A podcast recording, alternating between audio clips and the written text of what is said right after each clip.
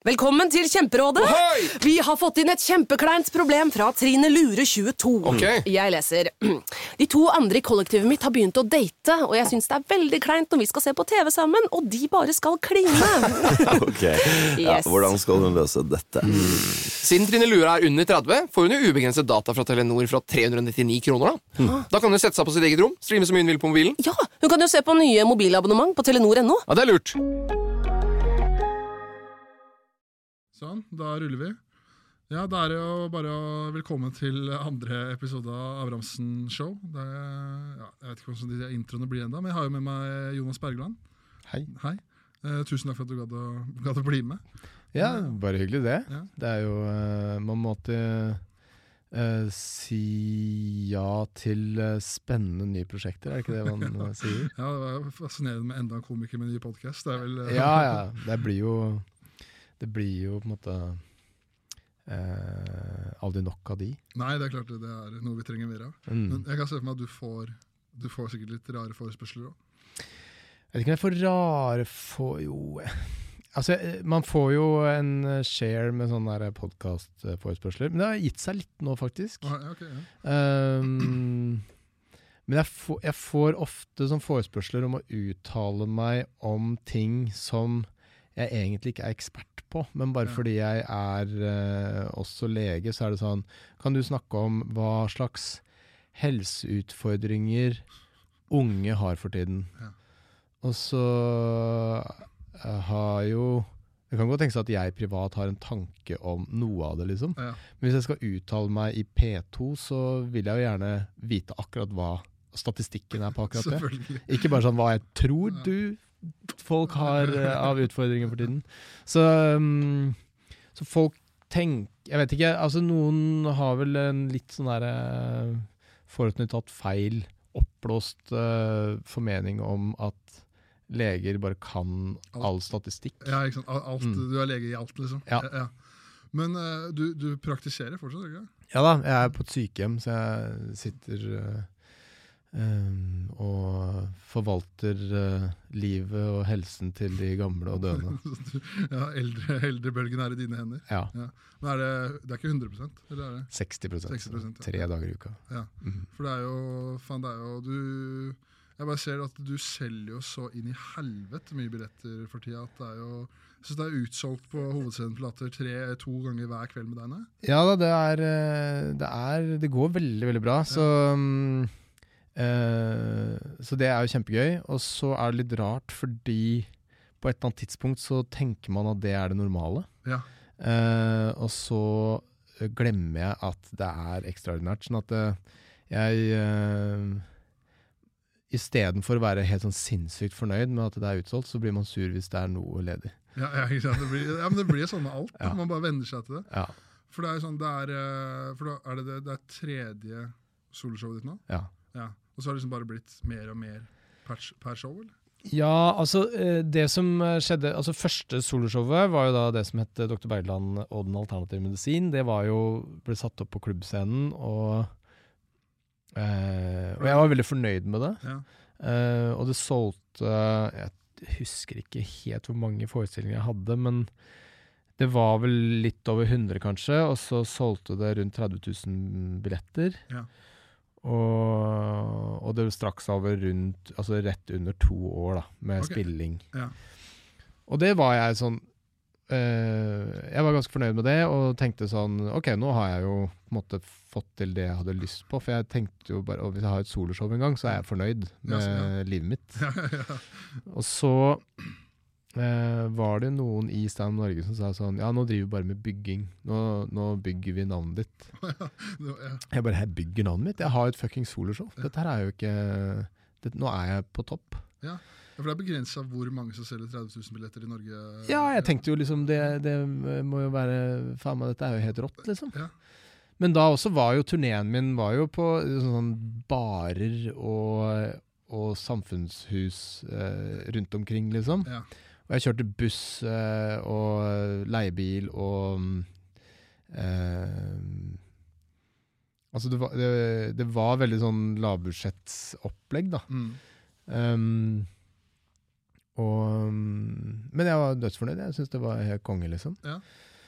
Og så, når jeg skulle da ha det andre soloshowet, som da het eh, Dr. Berland bryter taushetsplikten, så var det litt sånn trang fødsel. Altså, jeg tenkte ikke helt at Jeg, altså, jeg, jeg mista litt motivasjonen av å, å skulle ha showet, egentlig. Okay. Litt av Henrik Fladseth. Eh, jeg var på Jeg var på humor Hva het det derre Det derre humorgreiene oppe i Bergen. Ja, ja, humordager eller et eller annet i Bergen. Ja. Så um, Humorfest heter det. Ja. Og da er man jo der oppe, ikke sant. Jeg hadde satt opp noen spotter på Riks, og det var jo show overalt, liksom. Og da var jo det her eh, Premieren min var vel et halvt år unna, da. Eller noe i den stilen der. Eh, kanskje litt lenger òg, men eh, jeg var i hvert fall Jeg testa materialet til, til det, den forestillingen. For jeg hadde liksom blitt enig med Stand Norge at jeg skal sette opp en til, da. Mm. Selv om jeg var litt sånn medium motivert. Jeg tenkte Ja. sånn, ja, men jeg har jo hatt et Du har liksom klart det. Ja. Jeg har klart det jeg skulle. Ja. Og så eh, var eh, vi og så det der soloshowet som eh, Henrik satte opp da, som het eh, Kverulant. Mm. Som var så jævlig gøy, liksom. Jeg var der med en kompis, og det var sånn Fy faen, så morsom han fyren der er. Og så skulle jeg rett etterpå skulle jeg dra på Riks og, eh, og teste nytt materiale til uh, den forestillingen, da. Ja. Så det er jo sånn Ok, det er uferdig materiale, men, uh, men uh, man tenker jo liksom sånn Jeg er jo såpass rutinert at det bør i hvert fall fly litt, da. ja, ikke sant. Og så blir du sikkert farga av akkurat som Henrik òg. Ja. Og så var det jo sånn Jeg gikk av og det, altså det funka helt greit. Jeg gjorde 20 minutter. eh, Noe av det var nytt, som testa til det, og så var det noe som man er liksom sånn Man eh, ja, har noen sånn jokes bare for å ha, ha flyten. Ja, ja. Og så når jeg gikk av, så pleier det jo som regel å være sånn Hvis du har en kompis med deg, så er det sånn her Faen, det var konge, liksom. Ehm, og, men da var det sånn Ja, det du burde gjøre, vet du Også Og så sånne tips fra folk som ikke driver med standup, er også stort sett verdiløse. Ja. Men det var også andre, det var komikere der som også hadde vært og sett Fladseth, som var sånn herre Ja, for det er det Fladseth gjør, som Jeg var sånn Å, fy faen. Jeg, jeg, motivasjonen gikk så i bøtta, og så tenkte jeg sånn Vet du hva, det, det, dette er Jeg er for dårlig, rett og slett. Uh, jeg Det, var, det var såpass, ja. Altså, jeg var helt sykt lite motivert. Ja. Og så Nå bare, nå bare forteller Ja, jeg. på. Ja. Og så uh, Dette her var vel i mars, tror jeg, de der Humorfest var. For da er vi rundt 2017-16, er det det? Det er vel i eh, 2016-17, ja, rundt der. Ja. Og så tenkte jeg greit, jeg må bare, jeg må bare kaste alt jeg har av temaer uh, inn i uh, liksom et slags ark, og se hvordan det ser ut hvis jeg, hvis jeg bare eh, tar alle de tingene jeg har lyst til å være innom i det showet, eh, i en strekk. da. Sånn at jeg ikke liksom sånn plukker ut én ting isolert, bare har det i en, sammenheng. da. Så gjorde jeg det på et sted som heter Kampen, altså oppe på Kampen. Jeg husker ikke hva selve stedet heter, men det, var, det er plass til sånn 20 stykker der. Er det det det Lille, er det det heter? Er det, Ja, kanskje er det. Jeg tror det var, det var et sted som ble lagt ned rett før jeg begynte, eller noe sånt, som Ja. var på kampen, som var lite Ja, det er bitte lite. Ja. Og da hadde jeg ikke en settliste engang. Jeg hadde bare et ark hvor jeg bare skrev ned altså sånn, eh, Ikke etter hverandre engang. Bare sånn, ikke vink, altså sånn eh, Bare masse temaer. Sånn OK, jeg skal innom det her. Og så la det på en liten sånn krakk foran meg. Så bare sånn, Jeg skal innom disse tingene. Og så, og så liksom stolpa seg en løype på hvordan Altså det showet varte vel kanskje i tre kvarter, 50 minutter eller noe sånt. Mm. Og så funka det ganske bra. Ja. Og da fikk jeg litt sånn trua igjen, og så eh, Når eh, det hadde premiere, som da var i februar, var det, 2017, så var eh, Gikk premieren helt sjukt bra. Og så var jeg sånn OK, nå Det, det var digg, liksom. Mm. Og så tenkte jeg jo, uh, med den erfaringa jeg hadde med det forrige showet, at uh, ja, ok, da spiller man liksom x antall show på klubbscenen. Ja. Og så er det Det var det, liksom. Mhm. Men så solgte det så inn i helvete raskt. Så billettkontoret på, på Sam Norge var sånn Ok, vi skjønner ikke helt uh, hva som skjer her, liksom.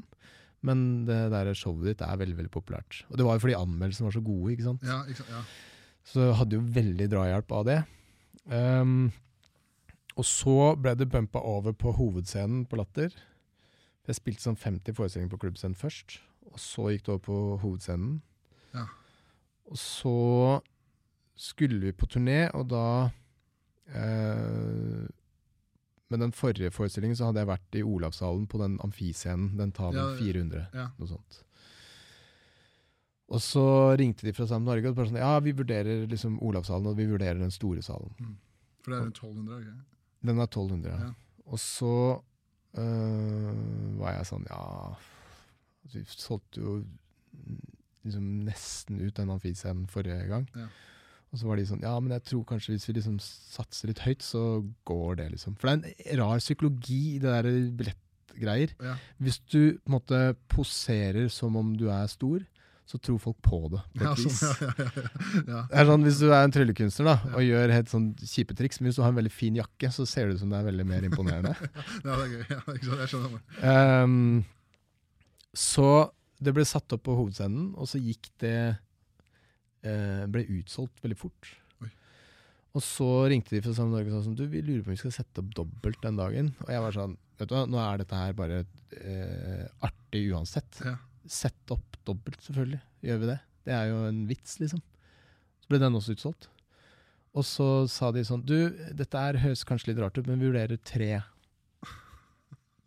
på i Olavshallen den eh, dagen. Jeg bare Ja ja, selvfølgelig. Men da begynner man å lure på sånn, er dette, Kommer jeg til å klare å gjøre tre? For å gjøre tre forestillinger på en dag, det varer jo en time og et kvarter, det showet, liksom. Altså at man, man må konsentrere seg veldig for å liksom eh, ikke falle ut. For at man har Ja. Og så er det noe med altså, Altså, sa jeg det her i stad, eller var det de, nå? Ja, Ja? Ja. den greien der. Og levere et bra produkt, altså Bare ikke komme seg gjennom å levere en bra produkt òg. Det tar litt energi. Ja, ja du, må, du må holde liksom eh, veldig konsentrasjonsnivå oppe, da. Men i hvert fall så ble den tredje også utsolgt. Og etter det så ble det sånn Da skaper en sånn type hendelse skaper et sånn eget gravitasjonsfelt. Det har ikke noe å si om showet er veldig bra, eller eh, hvem jeg er. eller sånn, sånn. Jeg tror ikke folk visste hva jeg het engang. De bare visste at det, det er det legeshowet som selger veldig bra. Ja. Det skal man se. Okay. Og da ble det en sånn eh, ting som gjorde at det bare gikk av seg sjøl. Så det spilte jeg da nesten eh, tre år. 273 forestillinger. Og da blir man ko-ko etter hvert. Ja, ja, ja. Og så blir man da altfor godt vant. Ikke sant? Man øh, blir jo øh, At altså man, tror at det er den Altså den normaliteten du får da, tror man at øh, Ja, nå er jeg så flink. ja, ja, ja. Men det stemmer jo ikke. Nei. Så det kan jo bli borte like fort som det kommer, da. Og det må man være litt sånn klar over. Men det, hvis, du, hvis du liksom setter deg ned og faktisk tenker på det, da, hvor, eh, hvor sykt det er at Sånn som bare i Trondheim, da, at det kommer 3600 mennesker Ja, som ikke du aner hvem er, Ja. som kommer for å betale eh, sikkert fem, 500 kroner da, for å se på deg snakke i en mikrofon i en time. Det er jo hele sånn Nei, det er helt absurd. Ja, Og jeg husker at og det, og det er sånn som en eh, Jeg tenker veldig sjelden på akkurat det der, men jeg husker når jeg begynte uh, med standup, så husker jeg at det var eh, Da, eh, da sto jeg på det som da het Lille, i regi av Reis deg komikerklubb. Okay, Ja. Jonny Kristiansen og, og den gjengen der. Um, og da inviterte jeg jo venner og familie og, sant, som, som kom og så, og så var det jævlig Det var jo veldig kick, ikke sant? Ja. Og man eh, ble kjent med noen andre komikere, og det var sånn Det var veldig gøy opplegg. Så husker jeg var på et sånn RDK-arrangement hvor um, det var uh, Det skulle være noen seminargreier, så var det noe mat. Og så sto jeg i matkøen, og så var det en person der som jeg da som var komiker som jeg aldri har hilst på. Men som var sånn herre Å ja, du er han uh, Er det du som er han Jonas? Han med den og den type stilen. Du takker mikrofonen ut av stativet, og du står sånn. Så jeg bare sånn Ja, det er faktisk meg. Ja. Eh, og da husker jeg var en kjemperar følelse av at det er en person som jeg ikke vet hvem er, som vet hvem jeg er. Ja, ja, sånn, ja. ja. Det syns jeg var helt rart. ja. For inntil da tenkte jeg sånn Ja, det er jo bare mine venner og familie og sånne ting. Og så går Eller alle andre som ikke vet hvem jeg er, de går jo ut, og så har de glemt ja man hvem jo, ja. man har sett, på en måte. Ja. Så det var en veldig sånn underlig følelse. Og nå er det jo da øh, folk kommer fordi de skal se mitt show, på en måte. Ja. Som er eh, nesten usunt hvis du tenker for mye på det. For at det, man blir jo øh, man, Ja. For jeg så nå at uh, du la ut på Instagram at du, nå var det uh, de siste ekstraforestillingene. Uh, men det er vel mest for at Det er vel nesten for at ikke du har lyst til å gjøre show mer. Altså Du kunne jo holdt det gående og sol, du- solgt hovedscenen flere ganger også. Er det, ikke, er det litt sånn? Ja, altså nå er det jo Jeg får jo øh, spørsmål om kan vi doble den og den datoen, og kan du da og da, og sånn. Og så må jeg øh, være nøye på å si jeg da For nå spiller jeg jo da den tredje forestillingen, ikke sant, som Ja. heter Dr. Bergland uten grenser. Og den også går jo veldig bra, men jeg fikk en knekk på den forrige runden, hvor jeg øh, skjønte at Å, jeg, jeg er ikke Jeg har ikke uendelig med energi Nei. på en måte. Så jeg har blitt litt mer sånn eh, var da på å ikke gå på samme type smell på okay. den runden. Men, Sånn at var det som gjorde at Var det for mange forestillinger? Er det som gjorde at du fikk Ja. liksom? ja. jeg, jeg tror jeg bare hadde det litt dårlig, og så tenkte jeg eh, så lenge jeg bare um, jobber, så, så kan jeg fokusere på det, liksom. Ja, og ikke hvordan livet mitt er. Så da satte jeg opp doble forestillinger eh, overalt. Og, for det solgte jo så bra, ikke sant? Ja, så jeg kunne gjøre det hele tiden. Og så plutselig så begynte ting å gynge litt. Og jeg Mm. fikk noen panikkanfall og sånn. Ja. På scenen. Og på scenen. Mm, og det var helt uh, ufattelig ubehagelig. Ja. Selv om man tenker sånn Ja, det er jo bare et show, man kan jo bare gå av, liksom. Sant? Ja. Og så sitter masse folk og er eh, skuffa og eh, har masse spørsmål. Ja. Men det føles virkelig som at det er veldig eh, Altså Du vet jo hvordan det er. Altså det uh, Å stå på scenen, så har du på en måte en pliktkontrakt overfor publikum. Om at uh, du, de har kommet for å se deg, og, og du skal Du må levere et eller annet, Ja, ja, ja. liksom. Altså Bare det å fortelle en vits som ikke er så veldig bra, da, Ja. er jo et nederlag, liksom. er kjempevondt. Fordi at uh, man tenker sånn De her har jo har forventa å skulle kose seg, Mm. og nå gjør de ikke det. Ja. Så da har jeg feila, på en måte. Og så blir det sånn, jeg føler det blir ekstra intenst for deg. da sånn, der, altså det er, sånn som jeg, da, som loker rundt på klubbkvelder. Ja. Da er det sånn, ok, det var en, hvis, hvis det går dårlig med meg en kveld, da, så var det sånn ja, ok, det var én komiker som var dårlig, men uh, de andre var jo gøy. Mens, Jo. mens for deg så er det liksom sånn ja, nå kan vi komme til for å se Jonas, så vi har betalt dyre penger, og vi skal kose oss. ja, det er akkurat det. Og så er det sånn bare det å eh, være på en sånn klubbkveld, da. Så føler du jo du individuelt fortsatt du har brutt et løfte overfor Ja. publikum. Ja, ja, det er sant, ja. Sånn at du eh, Du har ikke holdt det du på en måte um, implisitt lovte, da. Mm. For du har sagt sånn Kom og se på meg. Ja. Jeg heter Espen Abrahamsen. Jeg er en gøyal fyr. Og så kommer de, og så er det eh, kanskje en vits som ikke går sånn som du ville. da. Mm. Så går du og tenker sånn Ja, der holdt jeg ikke det jeg lovte, på et vis. da. Eller jeg tenker i hvert fall litt sånn. da. Ja. Så um, når du da får et panikkanfall på scenen og tenker sånn Å ja, nå vet jeg ikke hva jeg skal si, og jeg vet ikke hvordan, eh, hvordan det er å egentlig stå oppreist. Det er det jeg må prøve å fokusere på nå. Hvordan, å, jeg, ok, jeg står her. Jeg holder mikrofonen. Det ser veldig ut som at jeg har full kontroll. Bare hold den posisjonen. Ja. Drikk litt vann. Og så prøv å liksom komme inn i det igjen, liksom. Uh, Fordi bare fordi, uh, jeg, jeg har ikke hatt uh, sånn ordentlig panikkanfall selv, om jeg har bare hørt at det kjennes ut som du skal dø. Ja. Ja. Ja, ja. Mm. For det er akkurat den samme fysiske, altså fysiologiske reaksjonen du har i kroppen som hvis du tror du skal dø. da. Som at du henger eh, liksom på et stup Ja. eh, og tenker sånn nå Så det er de, akkurat de samme mekanismene i noe som heter autonome nervesystemet, som, eh, som spiller inn. da. Ja. Adrenalin og, Det er et overlevelsesinstinkt. Ja. Mm. Sånn at um, eh, Så det, det føles helt reelt veldig alvorlig for deg, Mm. selv om man i eh, praksis bare kunne si sånn nei, fuck det her, jeg går av og slapper av på en sofa, liksom. Dette her er jo bare jævlig ubehagelig. Men ja. Nei, så uh, jeg uh, I lys av noen sånne erfaringer, da, så tenkte jeg at sånn, denne runden her så skal jeg ikke havne i det uføret der. Nei. Så da har jeg på en måte begrensa litt uh, antall kvelder på rad jeg har doble forestillinger. Ehm, og så har jeg også begrensa spilleperioden, da. Sånn at jeg kunne nok kanskje spilt showet til høsten også. Mm. Men akkurat nå tror jeg ikke jeg kommer til å gjøre det. Nei. Men uh, Så nå spiller jeg liksom fram til mai, og så får jeg se hvordan følelsen er da. Ikke sant? Men det, det jeg lurer på, for det, i hvert fall mitt uh, inntrykk av deg, er jo at du er ikke altså, Du kan, du kan ta feil, men at uh, du er liksom ikke på søken etter å bli sånn altså, Det er ikke sånn derre i rampelyset bare for å være i rampelyset. Det virker ikke som du er sånn ja, jeg skal bli kjendis. Nei, Også, men likevel så selger du så mye billetter. Altså, hvordan, hvordan starta det? Liksom, hvorfor, hvorfor kom det så mange på på mitt show. ja, første show, da? Nei, det tror jeg nok handler om altså, uh, Bare for å ta det ene Ja. først. da I starten, da jeg begynte med standup, så syns jeg det virka litt som besnærende å, å være litt kjent. Ja.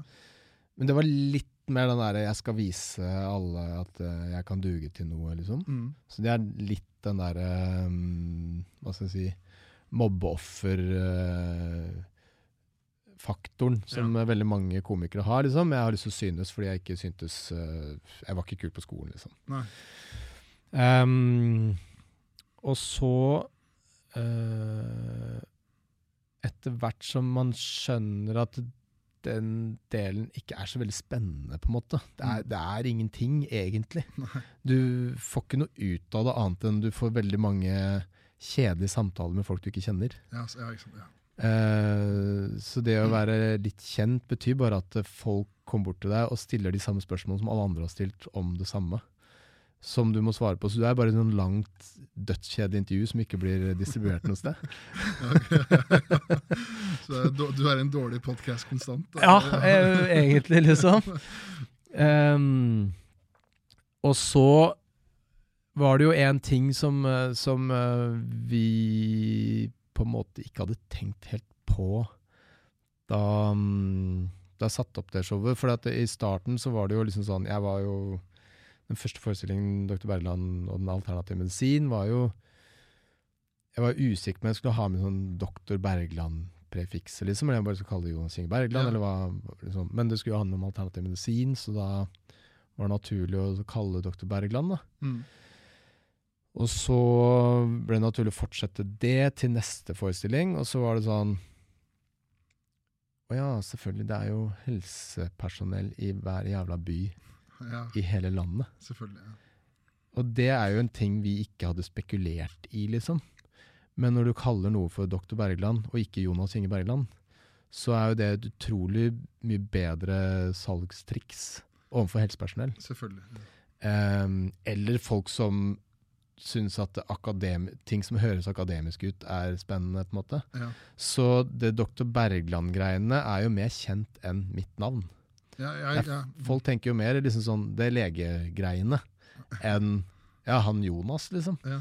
Sånn at um, Tror jeg, da. Det er min, eh, min teori. Så Men er du liksom fortrolig med det? Det noe, altså, det, ja, jeg, jeg har ikke noe, det er jo egentlig kjempefint, for jeg har ikke noe stort behov for å eh, ha noe mer mas, eh, liksom. Nei, det- Det går bra, jeg kan eh, selge show, og så eh, er jo måte, den kjendisfaktoren er jo egentlig helt verdiløs, annet enn at den åpner noen dører til å være med på gøye ting, hvis man har lyst til å være med på gøye ting. Da. Ja. Men fordi eh, Var du Sånn som du satte på, satte på det første soloshowet ditt, da. Var du liksom allerede litt kjent da? Eller Nei. Nei, men det, bare, det, det må, var det anmeldelser? det, jeg bare føler at uh, Anmeldelser og sånn, da. Nei, altså at du på, på showet, da. Mm. Ja, det var det jo. Ja, At de Mm. var gode, må ha vært gode, i og med at de solgte så bra på den første Ja, de solgte Ja, der fikk jeg vel en femmer i Aftenposten, tror jeg. Ja, og, Og da, det da betydde det enda bra. mer enn det du gjør nå, kanskje. Hva sa du nå? Da, det hjalp det kanskje enda mer enn det du gjør nå, da. Eller Ja, jeg tror nok anmeldelser fortsatt hjelper en del. Okay, ja. Men så tror jeg nok eh, Sånn min erfaring er at den beste på en måte salgstrikset man kan gjøre, er å, å liksom klare å skape en eh, liksom buzz. Ja. Altså at eh, hvert show du gjør, så skal du gjøre det så til fingerspissene perfekt Mm. at folk går ut der bare sånn Shit, det her var jævlig bra. Ja. For at uh, hvis de gjør det, så forteller de den historien videre. Hvis det er litt slapt, Ja. så forteller de ikke en fuckings historie, liksom. Det er ingen som, Da har du glemt uh, to minutter etter at det går ut, Ja, ja. og så går du og gjør noe annet. liksom. Hvis de går ut og tenker sånn Shit, det det var faktisk ganske imponerende, liksom. ja. Og det går ikke bare på materialet, det går også på hvor mye du lever deg inn i ting, og hvor mye du klarer å formidle de tingene du har uh, skrevet. da. Mm. Så jeg tror det er en mye bedre salgsstrategi å gjøre bra show enn å ha en bra anmeldelse. Fordi anmeldelsene de er jo ingen som leser de annet enn akkurat den dagen eh, det showet har premiere. Du går ikke inn og leser anmeldelser på et show som hadde premiere for et år siden. liksom. Nei, nei, nei, ikke sant. Så du kan jo se de terningkastene og sånne ting, men de, man blir litt nummen på det også, ikke sant? For det står jo terningkast hit og dit, liksom. Alle som har terningkast, har en femmer eller en sekser. Mm. Eh, sånn at det blir jo på en måte litt sånn inflasjon i akkurat det, da. Ja. Så, men eh, sånn word of mouth, å lage en buzz på, på at eh, folk skal liksom fortelle til venner at det burde du se, Mm. eh, fungerer, tror jeg. For jeg tenker, det, er ikke, det er jo ikke så mange Jeg føler ikke det er så mange standup-komikere som bare Ok, han, han er kjent fra standup, da. Nei. Det er veldig mye sånn, det må være det Jeg glemmer sikkert noe, men det er vel deg og ja, Dag, da. Altså, Mm. Som ikke liksom ikke har Ja, vi har ikke gjort så mye TV, Som nei. ikke gjort så mye TV. nei. Så liksom bare har bygd det Mm. show for show, og Ja. så kommer det flere og flere publikummere. Ja da, og det er jo litt sånn den derre eh, Man må jo huske på at eh, Dag og jeg har holdt på jævlig lenge, da. Ja, det er det. ikke sant? Man glemmer Så det. vi har liksom Altså, Dag og jeg var på nykommerturné sammen i 2006. 2006. Ja. Ja, ja. Da dro Dag eh, og Sigrid Bond Tusvik og Nilsi og jeg på, eh, på sånn nykommerturné på sommeren. Ok.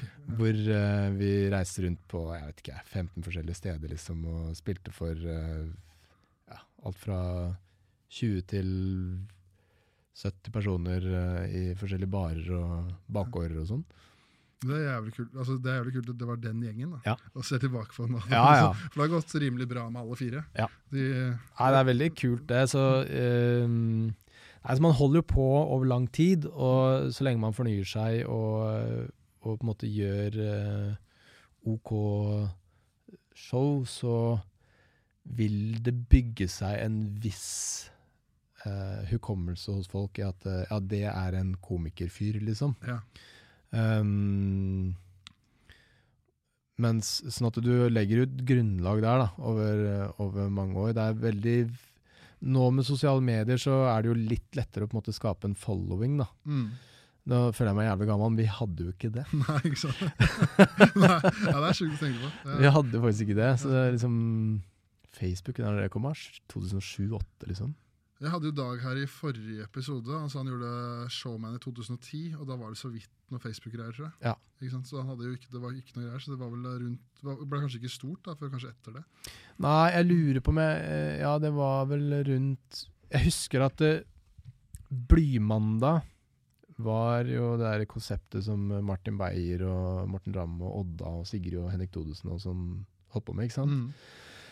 Hvor de var på Betong og Fabrikken og sånn, og hadde show hver mandag, eh, første mandag i måneden. da. Som var sånn sketsjeshow som eh, var, eh, var mye ymse, liksom. Men det var ganske gøy. Og så var det jo stort sett folk som kjente de, og noen litt sånn engere krets av humorentusiaster som, som var og så på de showene. Ja. Jeg husker jeg stort sett var med, og bare syntes det var gøy å se på. da. Ja. Og vi var vel kanskje ja, alt fra 10 til eh, 50 publikum, da. Var det 50, så var det helt sjukt. Liksom. Ja, Ja, ja. Og så plutselig, da Facebook kom, så kunne man jo lage events, ikke sant? Og invitere venner og sånne ting. Så det var en helt sinnssyk uh, PR-kanal. Mm.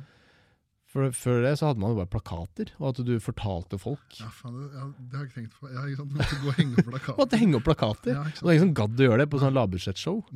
Så, så det var jo bare sånn Du kjente noen, så sa du 'vi har show da og da', og så kanskje du sendte noen meldinger, eller hva du gjorde, liksom. Men du gidder jo ikke å bruke dritmye tid på det der, liksom. Så Ikke tømme kontantkortet.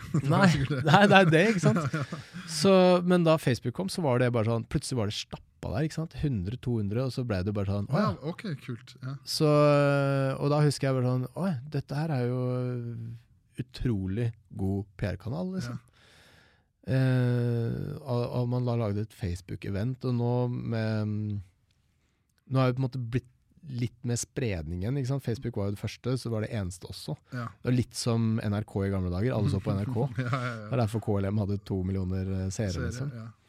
Mens, ehm, mens nå er det jo på en måte den individualiseringen av um, uh, artist... Altså folk kan følge deg privat og offentlig hele tiden via å følge deg på, på sosiale medier, er jo en litt sånn annen verden. Altså du har jo, kan veldig raskt få deg en plattform å stå på og få distribuert det på en annen måte enn det vi gjorde da vi ikke hadde sånne ting. Da. Ja, ja. Men eh, sånn som det Facebook-greiene Men for, for din del, da, kanskje var det første show, men hadde du noe sånn øyeblikk hva Faen, nå skjer det. Altså, nå, nå flyter det bra for Jonas. Ja, jeg hadde eh, Altså, jeg har vært med på mye rart, da. Men jeg syns jo Du har altså, vært med på mitt favorittprogram. Komikameratene. Komikameratene. ja. Eh, Nei, altså, man har hatt mange sånne øyeblikk. Altså, det første var eh, liksom da jeg fikk eh, plass på Christian Kvart, som var liksom hakket Det var jo Stand Up Norge som arrangerte det, da. gamle Latter, på en måte. kanskje? Ja. Ja, ja. Så det var liksom eh, å ha, være med på nykommerkveld der. Da tenker jeg sånn, Og da fikk du bilde av deg sjøl i Dagbladet, for de annonserte i Dagbladet. Okay, kult. Ja. Så da tenkte jeg ok, nå har jeg made it. Dette her er jo helt konge, liksom. Eh, og så var det sånn første firmajobben, at jeg fikk en firmajobb hvor jeg fikk 5000 kroner. Jeg tenkte sånn, det her er helt uansvarlig. Det er jo ikke riktig at noen skal betale 5000 kroner for å høre det pisset mitt, liksom. Eh, jeg husker jeg ringte en kompis etterpå. Bare sånn, du vet hva? Jeg har gjort en firmajobb. Jeg fikk 5000 kroner Mm. cash. Ja. I starten fikk man jo cash, ikke sant. Ja, ja, ja. Eh, og han bare Jøss, det er helt sjukt, sa han. Og det er ikke verdt noe mer enn det. Jeg bare nei, nei, nei. Det, er ikke, det er jo ikke Men jeg er litt der nå. og sånn som jeg har fått et par uh, noen firmajobber som betaler 10 000. Ja. Da er jeg sånn å, fy faen, det er jævlig fett. Så jeg kjenner, meg veldig igjen i akkurat den derre Og så, uh, så man får noen sånne milepæler underveis, og så eh, var det vel uh, Ikke sant? Og så fikk jeg den der komikamerat-greiene som jeg var med på. Eh, I den måte, tida der så fikk jeg Kom på Nytt på Nytt. Ja, ok, ja, det, men det er jo stas. da. Ja. Det stas. Ja. Det var jo superstas. Tenkte jeg sånn, ok, nå er det jo Hvorfor, hvorfor er, ringer ikke alle meg hele tiden? Jeg er jo, jeg er, jo, jeg er superstjerne her. Og så var det sånn, Da var jeg liksom fornøyd, fornøyd, på en måte. For da hadde jeg fått en smak på det å ha forestilling med komikameratene. Det var jo på en måte en, en blanda opplevelse, det. Men det var jo jævlig gøy å gjøre de showene. Og så eh, Og jeg hadde vært litt på TV og tenkt sånn der Ok, dette her er jo Nå har, nå har jeg fått uh, smakt på alt sammen. Mm. Og så var det da en sånn idé om sånn, kanskje ha soloforestilling en gang. Ja. Og det var noe jeg tenkte sånn, det er jo litt sånn utopi, egentlig. Det var jo ikke så vanlig å ha det. ikke sant? Det var en sånn Dagfinn Lyngbø gjorde det. Alle de store komikerne gjorde det. Ja. Dag hadde gjort det et par ganger, da. Ja, men Men han er jo på en måte Han var både flinkere og eh, jobba litt annerledes, liksom. Eller han var, han var bare flinkere. ja. Så det var naturlig for han at han gjorde det. Og hadde, hadde lyst på det og hadde en mulighet til det. Men han hadde også en liten sånn plattform å stå på, fordi han har vært innom uh, noen TV-ting og hadde en liten following. Showman, eh, Ja. Mm.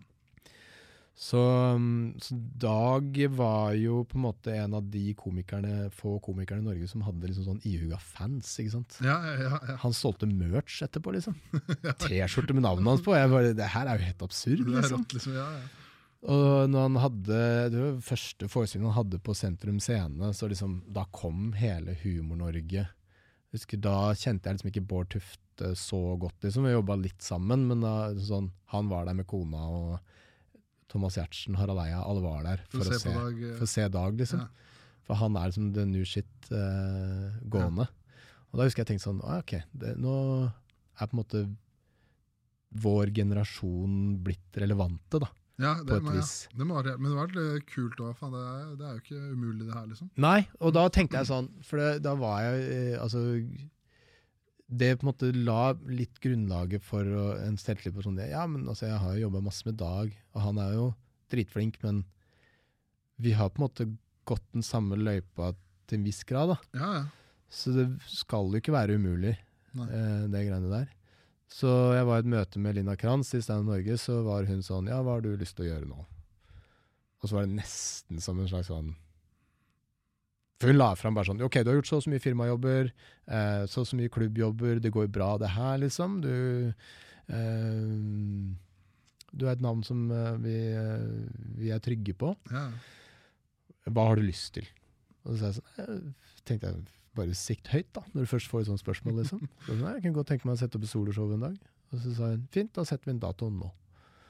Ok, det er, ok. Så, så på, du liksom Så hun bare hun tok den og høyna, liksom. Du var ute med fiskesnora der Ja. og skulle prøve deg litt. og så- Ja, ja. Og så var det sånn Det var jo egentlig hun som fiska, ikke sant. Så jeg tror nok nesten hun hadde tenkt det eh, før, og med en mye mer klarere målsetning enn det jeg hadde, liksom. Ja. Og da var det inn med møte, og, og hva slags tekster har du, og, og liksom eh, bare sånn, Ja, men her har vi masse å jobbe med, og så var det å bare sette i gang, liksom. Ja. Det er jo Ja, det må, ha vært kult, da.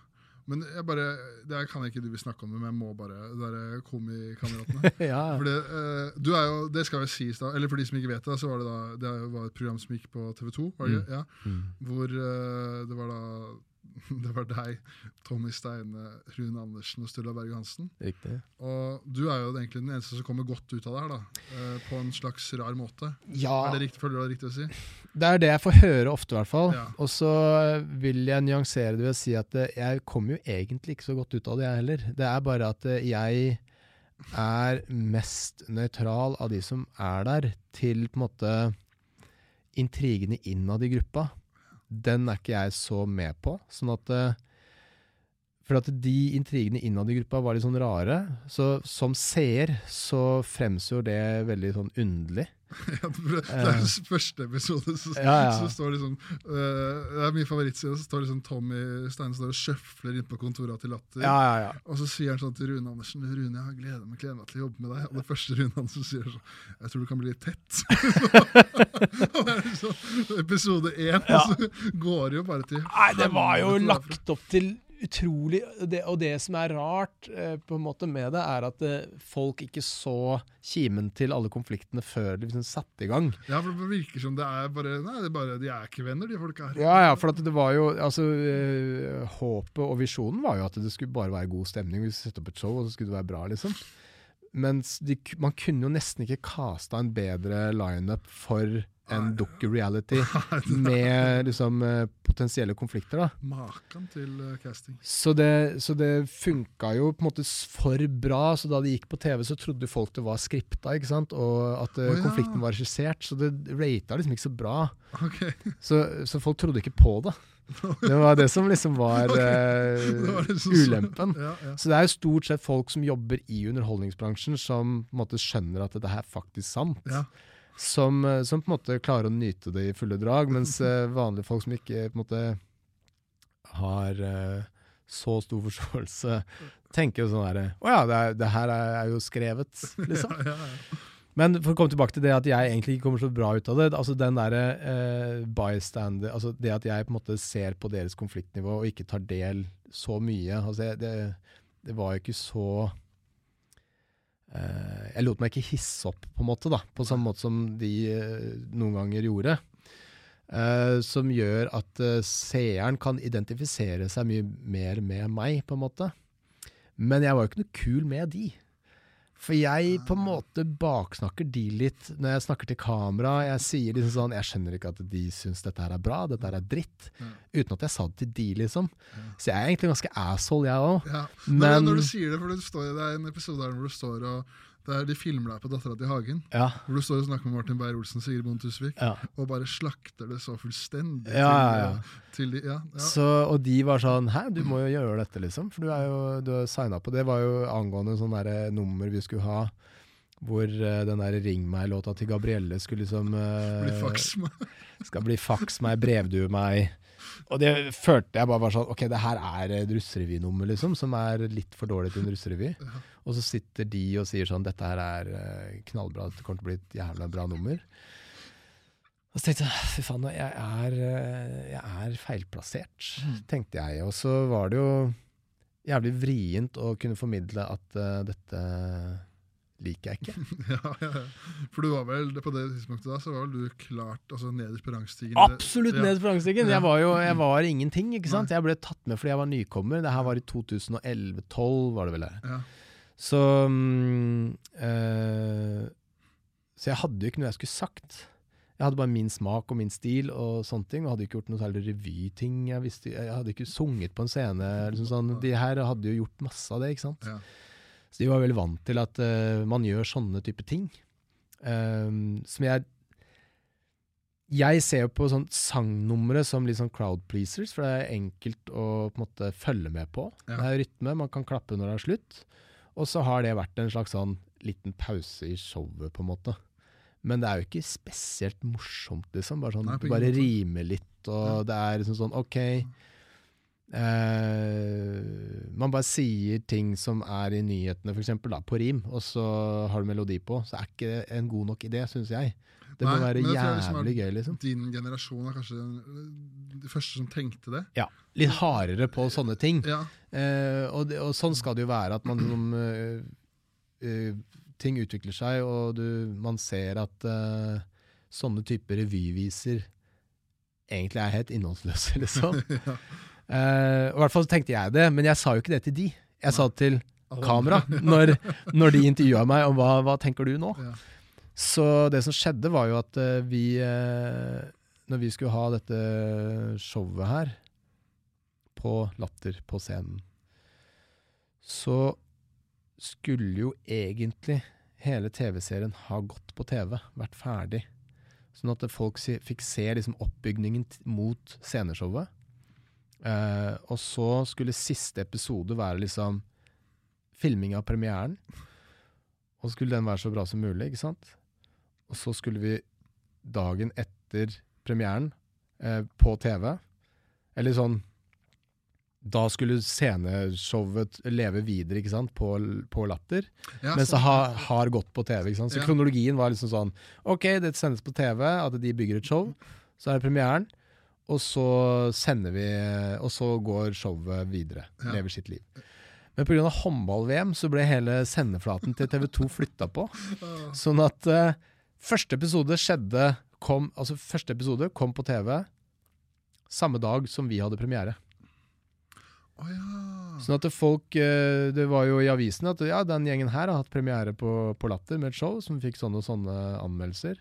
Og så får du se på TV samme kveld første episode av den turneen hvor det er bare konflikt. ikke sant? Så det er bare sånn Hæ, hvorfor skal vi se den gjengen nede på Latter som krangler som et helvete om en, et Tønsberg Blad-intervju, liksom? Ja, ja.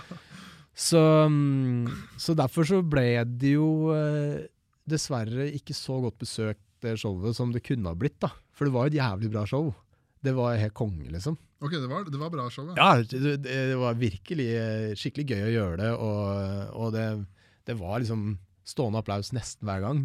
Ja. For det var et skikkelig, skikkelig bra show. Ok. Eh, så vi klarte å snekre sammen et bra show, liksom. For Man får liksom inntrykk av at, eh, at det går så opp og ned. Ja. At det er liksom sånn uh, en, en er sur for at, at en har gått fem minutter over tida. Ja da, det var masse sånne rare konflikter og, og det, var, det var jo liksom Og jeg tror Rune sa det ganske tidlig. Her er vi fire store egoer som skal spille liksom på lag, da. Som en kvartett. Og, og det er jo vanskelig, liksom. Ja. Ehm, men det hadde ikke trengt å være så vanskelig. Jeg tror det hadde vært lettere hvis det ikke var en konstruert Det er jo som Altså hvis det hadde vært For eksempel da, Blymandag. Ja. De er jo venner fra før. Ja, Og det er en organisk og- eh, utvikling at de har eh, den humorgruppa. Mm. Mens vi var jo konstruert. Det var sånn Tommy sin idé. Han sa ifra til Elina. Elina sa 'konge'. Vi spør Rune og Stulla. Hvem vil dere ha med mer? Nei, vi må ha en ny en også. Spør Jonas. Og jeg bare 'fuck yeah, jeg skal på TV. det var TV'. kjempemulighet for deg. Ja, ja, ja. Så jeg var jo dødshappy. Ja. Og så var jo egentlig alt det at det skjedde så mye rart, eh, bare litt sånn artig, på en måte. Mm. For jeg tenkte sånn, ok, det skjer i hvert fall noe, liksom. Ja. Det er ikke kjedelig, det her. Eh, selv om det var irriterende noen ganger, og, og sånn, så var det jo aldri kjedelig. Så jeg, jeg likte det jo veldig godt. Og i ettertid så har jeg jo um, Jeg vet veldig fort når jeg skal ha en samtale med noen om Komikameratene. Jeg ser det på folk, liksom. De kommer gående. Bare sånn derre Du, det er én ting! Jeg bare Jeg har sett på noe i det siste. Da bare vet jeg at neste ord i den For uh, det, det ligger er fortsatt ute på TV 2. Ja, ja, ja. Mm, mm. Så det dukker opp med jevne mellomrom eh, at noen kommer bort og bare sånn derre Jeg må bare snakke med deg om noe. For det, det, det kan være sist på det, men jeg tror liksom kanskje min, Uh, min favorittscene i den serien Ja, er når uh, du er liksom halvveis på hjemmebanen på Kolbotn. ja Du har show der, Ja. og så sier du liksom sånn her Kan jeg ikke bare være snill og få sove hjemme, da? ja, for vi bodde i Nightliner, sånn buss Ja. med senger i. Og så sier liksom Tommy Stein sånn Nei, noe av greia er at vi skal kjøre buss hele tida. Vi skal være på bussen. og, så, og så setter jo du Rune og Sturla seg på bussen. Ja. Og så kjører bussen, mens Tommy han drar hjem i Porscha si og henter noe klær. Så kommer han kjørende etter i Porscha, og så går han inn på bussen, og dere sitter der omtrent suicidale hele gjengen. Og så spør han sånn Hvorfor er det så dårlig stemning her? Ja, det var så rart, hele greia. Ja, fy faen, det var så mye underlige ting. Jeg husker Sturla sa bare sånn Hvorfor i helvete skal vi sove i den bussen her? Vi er hjemme! ja, ja. Jeg ble skutt til Drammen dagen etterpå eller et eller annet. Ja. Ja, vi, var i, altså, vi var først i Kolbotn, og så skulle vi til Drammen dagen etter. Ja, Det er jo hjemme på veien. ja, ikke sant? ja. Eh, og så var det liksom fordi vi lagde TV og sånn, så var argumentasjonen at det liksom sånn Nei, men nå, nå er vi i prosess, det er det vi skal gjøre, liksom. Og så var jo det egentlig et jævla perfekt oppspill til nettopp akkurat det som at det ble filma. Så skapte jo det en konflikt som var jævlig interessant for TV. Men for oss så var det jo bare jævla irriterende, ikke sant? Så det bare, det bare liksom kødda med dynamikken vår hele tiden, det greiene der sånn. Så det var jo mm, Det var utrolig perfekt eh, oppskrift på å lage en rar doku-reality, liksom. ja. Mm. Men nå, nå går jeg liksom sånn herre, eh, litt Det blir feil vei, på en måte, men var det noe sånn herre eh, Var det noen spesiell grunn til at du liksom begynte med standup? Var, det liksom, var du fan av standup, eller hva var det som liksom gjorde at du bestemte deg for det her har jeg lyst til å prøve? Nei, jeg var jo eh, Da jeg gikk på folkehøyskole i 97-98 eller 98-99, noe sånt, så, så hadde jeg noen morgensamlinger. Altså man skal presentere et tema på morgenen før det er opprop, liksom. Ja. Og så var det så mye sånne rare morgensamlinger som, eh, som jeg syns var ganske slappe. Eh, Vel å merke, jeg hadde ikke gjort noe revyting, jeg har aldri stått foran en forsamling. Jeg, bare, jeg var veldig reservert og eh, ville helst ikke si så mye i noen sosiale settinger, liksom. Jeg drev med langrenn og, og trente, liksom. Det var min greie. Men vi måtte være med på de morgensamlingene, og um, og så var det, jeg, jeg bare syns mye av det var litt sånn døvt, liksom. Mm. Men vi måtte ha de. Altså sånn, eh, man, alle måtte ha to. ja, personlig. Ja. Ja. Mm, mm. Sånn at, eh, så da det var min tur, så eh, tenkte jeg ok, jeg lager en parodi på en morgensamling. Så jeg bare lager en kjempedårlig, rar morgensamling som spriker i alle retninger, liksom. Så jeg hadde mm, Så jeg var bare sånn slapp. Så jeg bare sånn Ja, det er jeg som har morgensamling i dag. Eh, så det, uten å vite det, så lagde jeg et sånn absurd eh, humorshow, liksom. Jeg hadde jo ikke egentlig noe idé om at det skulle være morsomt heller. Jeg bare tenkte sånn Ok, nå skal jeg bare gjøre noe rart, Ja, annerledes. eh, og så ser jeg hvordan folk reagerer, liksom.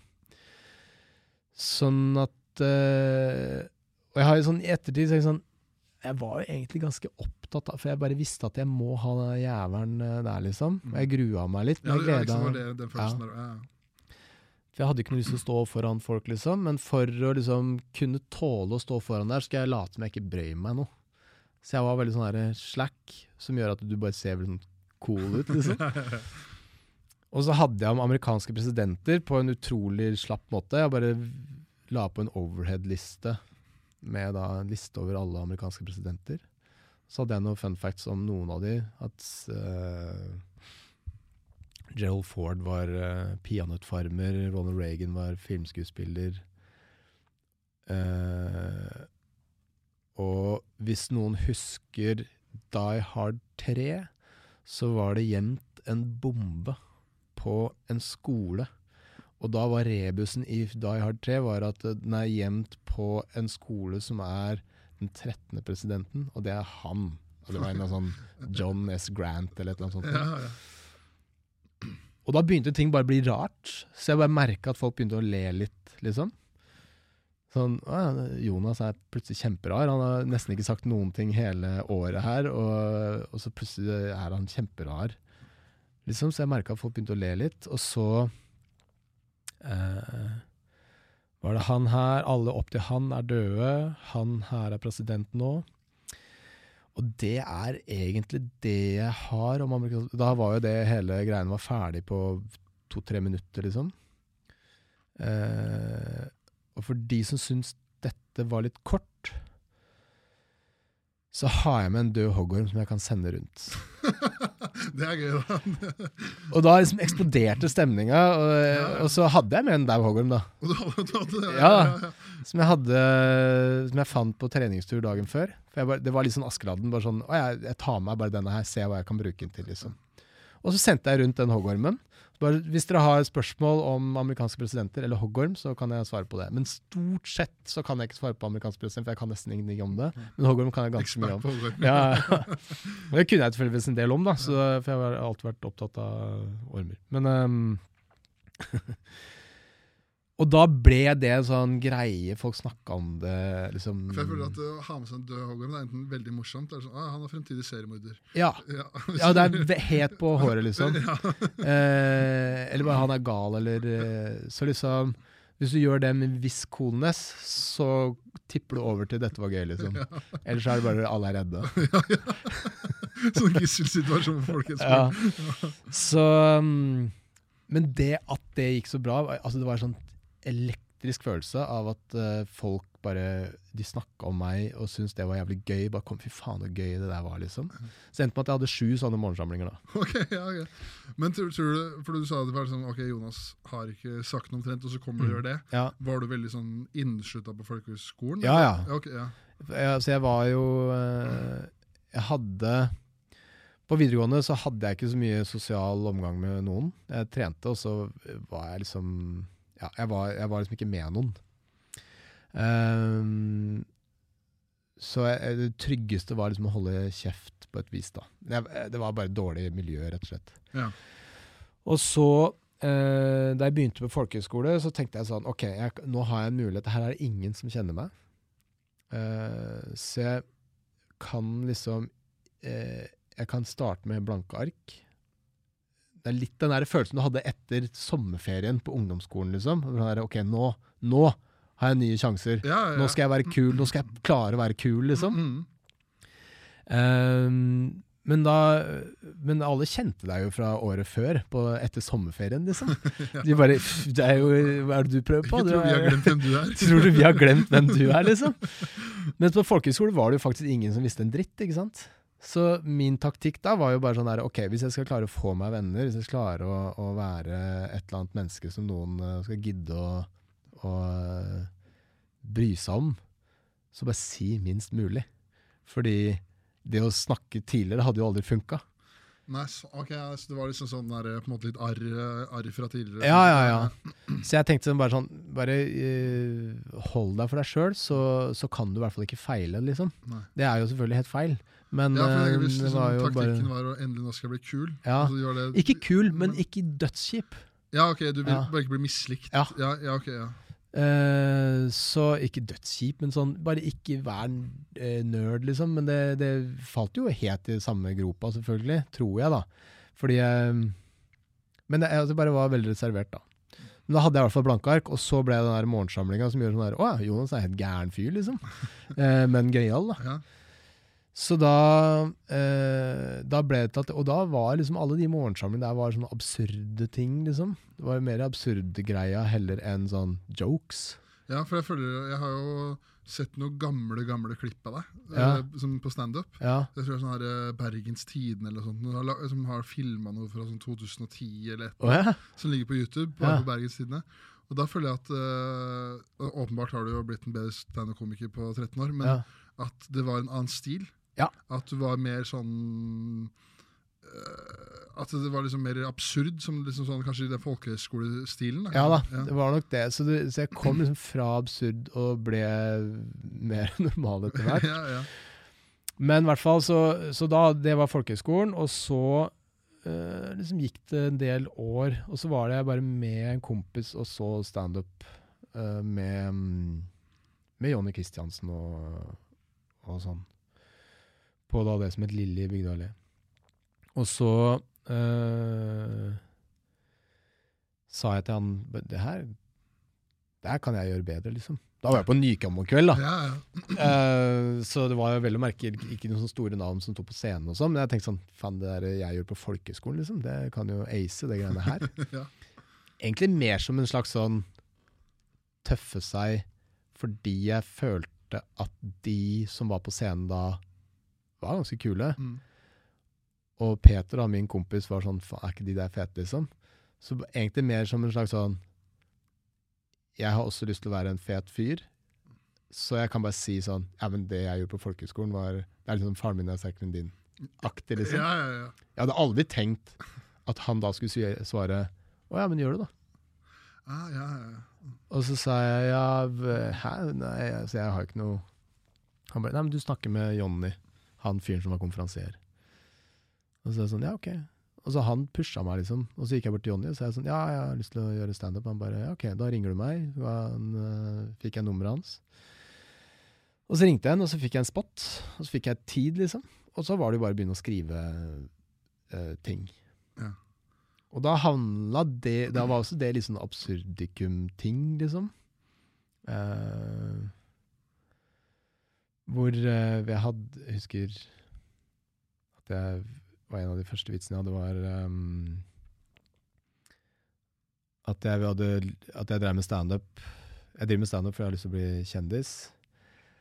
Um, for det virker som en veldig behagelig jobb.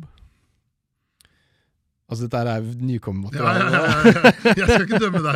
Jeg har sett de nye greiene dine, så jeg blir ikke dømt. eh. Og så sa jeg eh, og Første gang man får spørsmålet 'hva skal du bli når du blir stor', det er jo når mormor kommer bort og sier 'da er du kanskje seks år', og så sier hun 'hva skal du bli når du blir stor'? Og jeg ville gjerne bli delfin. Okay. Eh, fordi, og fordelen med å være delfin er at du kan bade hele dagen. Ulempen er at du må bade hele natta også. Eh, så det var liksom ikke så bra. Og så sa mormor delfin er ikke en jobb. Og så vil jeg bli brannbil. Altså, det, sånn, det var i den gata der, Ja, ja. liksom. Da har kanskje ikke kommet på det nye showet ditt, men det er, men det er, det er noe, det er liksom. noe der. Jeg, Ja, ja. skjønner at folk kan ha ledd. Ja. Ja. Så, så det var liksom i Men i hvert fall så ble det til at jeg, eh, jeg tok kontakt med Jonny, fikk en spot, og så gikk det overraskende bra. Så jeg tenkte sånn Da egentlig litt samme følelse som jeg hadde på folkehøgskolen den gangen. liksom At jeg bare Å ja, shit, dette er jo en jævla gøyal hobby å ha, liksom. Ja. Og så gjorde jeg Det var kanskje en, en gig i måneden, liksom. Uh, og det var jo helt sånn underlig. Jeg husker sånn etter man var ferdig, gikk ut på scenen, booka.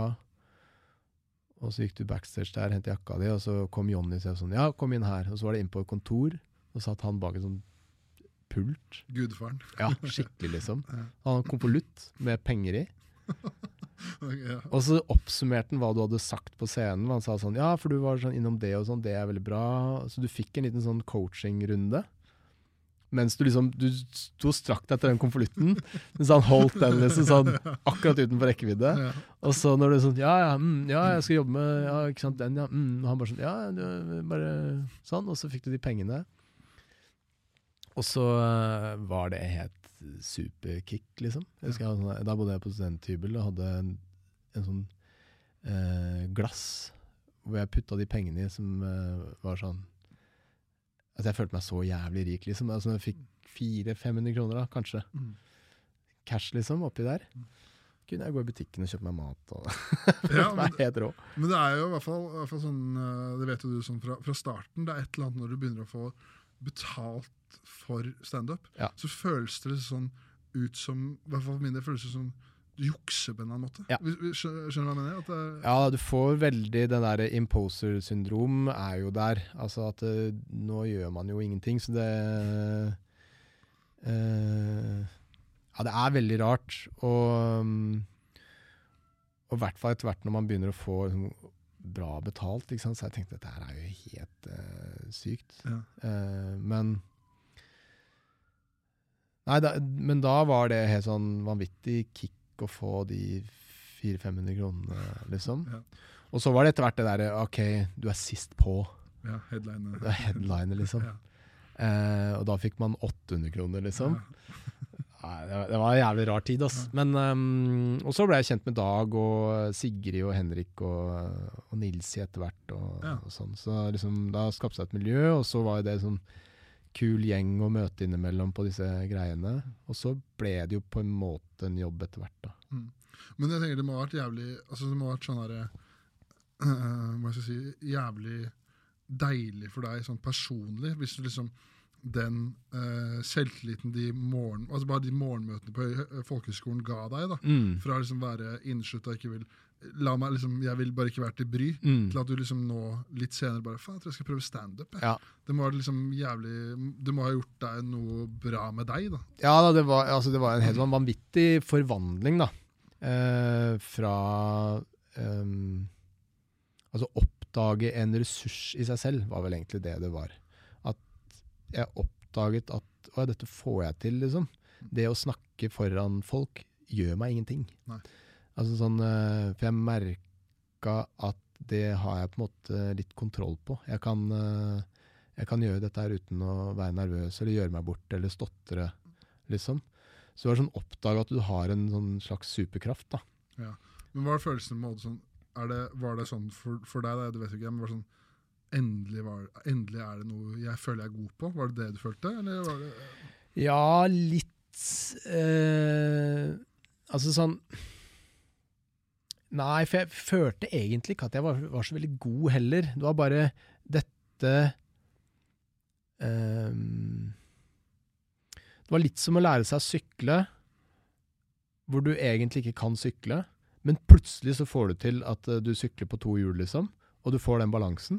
Så bare sånn Å ja, shit, jeg kan sykle. Og så bare sånn Nei, du kan ikke sykle, for du tryner rett etterpå, liksom. ja, Men akkurat det lille øyeblikket hvor du faktisk sykler, hvor du tenker sånn Å ja, det er, det, hvis jeg holder balansen sånn, så, så går det, liksom. Men jeg vet ikke helt hvordan jeg får det til. Du bare liksom sveiper over og prøver mange ting. Så jeg følte standup var litt sånn i starten. At du sånn Man prøvde jævlig mye, og så plutselig så funka det liksom. Det var en og annen vits som funka. Og da fikk du den der følelsen at Å ja, nå er jeg vektløs, liksom. Mm. Um, så det var mer Ikke at jeg var god til noe, men jeg kunne kanskje klare å være Ha, ha den kontrollen et par uh, sekunder, liksom. Ja. Hvis jeg prøvde og prøvde og prøvde. Mm. Så um, Så den derre Jeg er god til noe den, Det tror jeg nesten aldri har kommet. Jeg, nå vet jeg at jeg på en måte Vi gjorde en gig på tirsdag, Ja. hvor du var komf eh, nede på bakgården på, eh, i Tor Anvers gate der. Og så var jo lineupen eh, Det er liksom Pernille Haaland, Marius Torkelsen, du er komf. Og, og så så jeg at jeg skulle sist på, men jeg skulle teste mye nytt. Og da var jeg litt sånn Jeg har jo nesten litt lyst til å spørre Marius da skal du gjøre mye nytt. Så hvis du har, skal gjøre gammelt, så må du gjerne gå sist, liksom. Mm. Jeg har ikke noe behov for å stå sist. Nei. For jeg har ikke noe sånn egentlig gitt selvtillit på at uh, jeg da skal avslutte dette showet og redde kvelden hvis det er nødvendig, liksom. Nei. For det tenkte jeg faktisk skulle spørre deg om, og Ja. i sånn forhold til uh, På det punktet du er i karrieren din nå, Ja. så må det være jævla vanskelig sånn å eh, Hvis du skal være på en plakat, da, Ja. og dra eh, og prøve masse nytt materiale. Ja. Fordi folk liksom, ok, å faen, han der han legekomikeren der, Jonas eh, Kinge Bergland, han er jo dritmorsom. Og så det, Jeg tror ikke alle er klar over det at eh, det er ikke alle nye vitser som er morsomme. Nei, altså. Det er jo en prosess som skal til. Ja. Eh, det, tar jævlig, altså, det tar jævlig lang tid å lage en time med god standup. Ja, ja, det tar veldig lang tid. Og Og- du må innom veldig mye dårlige ideer før du kommer de, til de gode, da. Ja. Og så da føler folk kommer liksom bare Faen, nå skal vi se på Mm. han liksom med høye forventninger. Også, Ja. Men nå, som jeg la merke til på tirsdag også, er at man føler at Uh, du har uh, veldig mye verktøy. Altså begrensa hvor ræva det kan gå for deg på på én måte. Ja, altså jeg tror nok uh, den erfaringa og eh, Og måtte, um, mm, Sceneferdighet, da. Uh, jeg kan surfe på en del ting som gjør at jeg kan fortsatt holde fokuset oppe og stemninga oppe til å stå i en ræva bit. På en, måte, på en annen måte enn en helt ny komiker kan gjøre. da. Ja. Um, fordi at jeg tåler det bedre, liksom. Uh, man har vært gjennom det mange ganger. Uh, og igjen, jeg syns jo det er litt gøy når ting ikke funker helt, liksom. Mm. Altså sånn, for Hvordan kommer jeg meg ut av dette? Ja. er jo på en måte litt artig, det òg. Ja. Men eh, for å komme tilbake til det, er den der selvtillit Da sitter jeg eh, før vi skal i gang og sånn, bare sånn eh, Jeg er utålmodig, jeg er litt nervøs. Jeg er bare sånn der ah, faen. Og så skal du sist på, og så er det sånn Det er ikke med den derre ja, jeg er Jonas Inge Bergland, jeg har solgt ut uh, Olavshallen, liksom. Det er jo bare ja, Marius Plugg gå sist. Det, er- jeg, jeg var veldig på nippet til å spørre han uh, et par ganger, faktisk. Okay. Men det er gøy da at eh, selv etter eh, ja, 20 år og liksom Mm. flere hundre tusen billetter, at man fortsatt sitter med den der Ja, ja, ja. Jeg vil ikke gå sist i dag. Sånn, jeg har vært på Josefines òg. Skal stå eh, der, og, og da står man inne på Du har stått på Josefines, ikke sant? ja, ja. Ja. Og da, eh, før du går på, så står du inne på det her kjøkkenet med den svingdøra. Har du stått der, eller står du bakerst i lokalet? Jeg har stått begge steder. Jeg pleier å stå inne på det her kjøkkenet, og der står jo Jonny der òg, for han venter på at det forrige skal eh, bli ferdig. Og han står og prater og sier sånn her Ja, du og bla, bla, bla. Og jeg bare Faen, ikke prat med meg, liksom. Jeg står her og er drittnervøs. Jeg skal ut der og prøve et eller annet ting som jeg ikke aner om funker. Ehm, fordi altså, når man gjør klubbting, så er det jo mest matnyttig å teste litt nye ting, liksom. Det er ikke vits å ta et firmajobbsett, på en måte. Um, selv om man gjør det innimellom, fordi man jeg kan skjønne at det kan friste òg. Ja. Liksom bare, nå skal jeg gå ut og drepe deg, og Ja, det er jo gøy å liksom Men um, Nei, så, så de giggene der, så er jeg jo egentlig mer nervøs der enn å gjøre forestilling på, på Hovedscenen på Latter, liksom. Ja, det er, det er sånn det føles, ja. Mm. Fordi, eh, men det, det jeg tenker det må være sånn jævlig som for, Du har det fortsatt den nervøse følelsen, men har du, eller har du hatt noen tanker rundt liksom sånn Ok, eh, det starta sånn som du fortalte seg, hvordan det starta, og hvordan, hvordan, det, hvordan det har liksom blitt sånn som det har blitt. da. At du liksom er en av de mest selgende komikerne, en av de morsomste komikerne i Norge.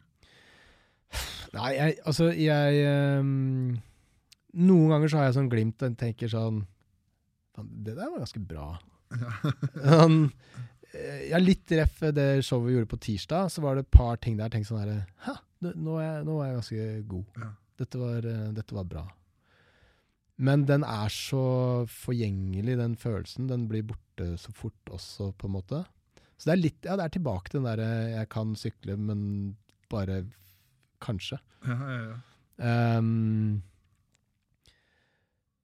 og så tenker man jo at det er, det, er, eh, det er litt vanskelig å se seg selv. Jeg har eh, jeg har på en måte veldig lenge tenkt at jeg bare er en nykommer som har fått det til å gå ganske bra.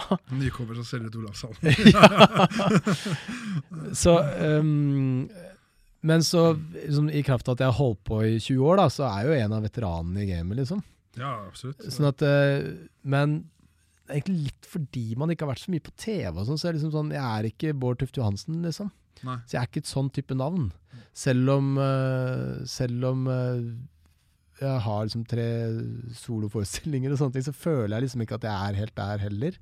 Um, men man merker jo at for nå er det så mange nye komikere overalt. Det er mange nye scener og sånn. At jeg, jeg har ikke helt oversikten over eh, alle, som, alle nye folk, og jeg vet ikke hva alle snakker om. Før så kunne jeg liksom alle vitsene til alle. Eh, så at eh, jeg visste hva alle het. Jeg, nå vet jeg ikke hva alle heter, for jeg, jeg har ikke tid til å være nok på klubbene og, og se alle, liksom. Så, og det er flere folk òg, da, selvfølgelig. Fordi det dukker opp nye steder og sånn. Så jeg skjønner jo at det er et symptom på at jeg begynner å miste på en måte bakkekontakten med grasrota, liksom. Og det er også et symptom på liksom sånn OK, jeg, drar på, jeg er på turné nesten hele tiden. Det er jo at man faktisk uh, er gått litt videre, da. Du er, man er ikke nykommer som har uh, hatt flaks lenger, liksom. nei, nei, absolutt ikke. Så eh, Nei, det er en rar følelse, og jeg har eh, Jeg husker jeg tenkte det med den første forestillingen. Så husker jeg var på en skitur hvor jeg tenkte sånn OK, nå må jeg, nå må jeg huske å nyte dette her, liksom. For jeg har jobba hardt for det, og jeg har eh, eh, Det har vært så jævlig vanskelig, liksom. Og nå går det faktisk bra. Nå er jeg på turné, på Latter, det går bra. Husk å, å liksom Tenk at du har det bra. Jeg kan, Ja. ikke, jeg kan ikke om 20 år tenke tilbake og bare Shit, da hadde du faktisk veldig bra. Nei, det blir slitsomt. Ja. Du må, eh, du må sjekke med deg sjøl. Sånn ok, dette her må du nyte, liksom. Og det prøver jeg å gjøre nå også, da. Ja. Um, Men er det noe som er vanskelig for deg, liksom, å bare gi deg sjøl klapp på skuldra? Og faen, Jonas, nå er du nå er du i fin form. mm, nei, det er, det er bare det å oppdage at, eh, at man eh, har et har et bra liv, at det, dette er ganske fett, liksom. Ja. Um, jeg er jo ikke en sånn, eh, altså sånn eh, person, Nå er jo personlighetstester blitt så veldig eh, hipt. Ja. Så jeg er jo ikke en sånn fyr som eh, har sånn eh, Hva heter det? Ekstroversjon eh, hvor du liksom jubler med hendene over hodet. Jeg har ikke den derre skrikejublende varianten i meg, liksom. Det er mer sånn Fint, da gikk det bra. Deilig. Det er letta. Ja. Eh, neste oppgave, på en måte. Sånn at du får ikke helt den derre eh, voldsomme payoffen på å nyte en suksess, liksom. For du er mer sånn Du setter et standard, sånn skal det være, og så får du det til. Så blir det sånn Bra, fint. Nå må du jobbe. Og så kverner du gjennom den turneen. Og så er du ferdig. Men da skal du lage en ny forestilling. Altså det er sånn ja. Eh, Man får lite tid til å mm, sette seg ned og tenke at uh, dette er faktisk ganske kult. Men sånn, i forhold til, som du sa der, at du, føl, har følt lenge på at du var nykommer i forhold til det var ikke så mye TV og sånn. Er det, har det vært et bevisst valg fra deg, eller er det at du ikke har lyst til å Nei, nei. Nei, nei. Nei, jeg har okay, lyst til å være på TV hele tiden, jeg. Ok, ja, Ja, ja, ja. ja, ok, ja. ja, altså Da jeg var på Nytt på Nytt, liksom, så var det sånn Shit, dette her uh, må jeg naile, liksom. Mm. Uh, men så Altså, jeg har jo Jeg vet ikke helt hva det er, uh, men jeg får ikke helt til å være gøyal på TV. Syns jeg sjøl, da. Uh, og antageligvis også folk som driver med TV, syns sikkert det. For jeg, jeg, jeg blir jo ikke spurt om uh, så veldig mange ting, liksom. Så Nei, men bare tenk sånn her, for det, er liksom Jeg tenker nå, da, så må du på en måte det, altså, Ser jo ikke deg på Firestjerners middag, på en måte. Nei, men det har jeg takka nei til. Ja, ikke sant? Det, er- Ja. ja. Og Farmen og sånne ting har jeg takka nei til. For det, det, tenker jeg, det har jeg ikke noe lyst til. Det er ikke noe vits, liksom. Det er kjendisbygging. Det er ikke, det er ikke Det er ikke morsomt i seg selv. Ja, så får du ikke, ikke vist fram din beste Nei, det er ikke noe sånn Jeg som person er ikke så veldig spennende, liksom. Nå sitter vi og snakker om meg her, da, men nå snakker vi om bransje, liksom. Ja. Så um, Du ser ut som en fyr som er jævlig god i øksekast. Eller. Ja, ikke sant? Så jeg kunne jo vært på Farmen og drevet med det, liksom. Ja. Men um, jeg husker jeg sa De ringte om Farmen. Så var jeg jeg tenkte sånn Faen, nå skal jeg være litt dust. Jeg har jo vokst opp på gård, ikke sant. På, på øhm, Så hele oppveksten min har jo vært å være på gård. Og Det er ikke nødvendigvis alle som vet det, men uh, de ringte og bare sånn Ja, Kjendisfarmen og um, det er da og da og sånn. Så sa jeg sånn Nei, ja, vet ikke, det blir vanskelig å få fri og sånn. Pluss at, uh, vet du det, jeg har jo vokst opp på gård, jeg. Så alt det de gjør på Farmen, syns jeg er dritlett. Så for meg så er jo det ikke så veldig vrient. Pluss at det blir bare veldig irriterende for meg at alle de andre er så jævlig klønete. Så dere vil ikke ha meg der, vet du. Og de var sånn Jo, jo, det, det tror jeg vi faktisk kanskje kunne være en ganske spennende kombinasjon. Jeg bare Nei, men det blir jo helt feil. At bare jeg får til alt, og ikke de får til noen ting. Og så bare liksom kjørte rasselkort. Bare kjemperasshøl. Ja, ja, ja. Men um, Nei, men det er vel sånn eh, Farmen og sånne ting er jo ikke noe som er Det er jo bare kjendisbygging. Ja. Reality. Det er jo det er sånn som er på forsida av Dagbladet. Liksom sånn, nå er Farmen uh, Lasse uh, et eller annet. Det er, eh, Ikke krangle med lille vennen deres på torpet. Ikke sant? liksom. Det er helt håpløy. Det, er- det, har- det har ingenting med det du driver med å gjøre. Så, så jeg har gjort uh, 71 grader nord, men den er jo, går veldig mye mer under radaren. ikke sant? Og det er bare en tur. Du går en tur. Det er ikke noe intriger og mas, liksom. Um, så det ville jeg være med på fordi det var gøy. Mens uh, Fiserens middag er veldig vanskelig å være morsom der. ikke sant? Så du liksom får ikke gjort noen vitser eller For det er jo han der Anders Hatlo som prater i bakgrunnen, som har alle jokesa. Ja. Det var sånn 'Å ja, du gjør det, ja'. ja, ja, ja. Så liksom sånn ja, Litt for mye pepper? Altså, det er ikke noe Ja, gøy. det er det, ja.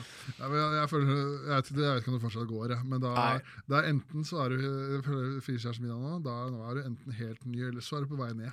Ja, det er jo litt det, da. Ja. Og så er det jo det er helt greit, det, å liksom tenke sånn ja, Du blir spurt om en ting, og man får litt penger, og så er du med på et eller annet, liksom.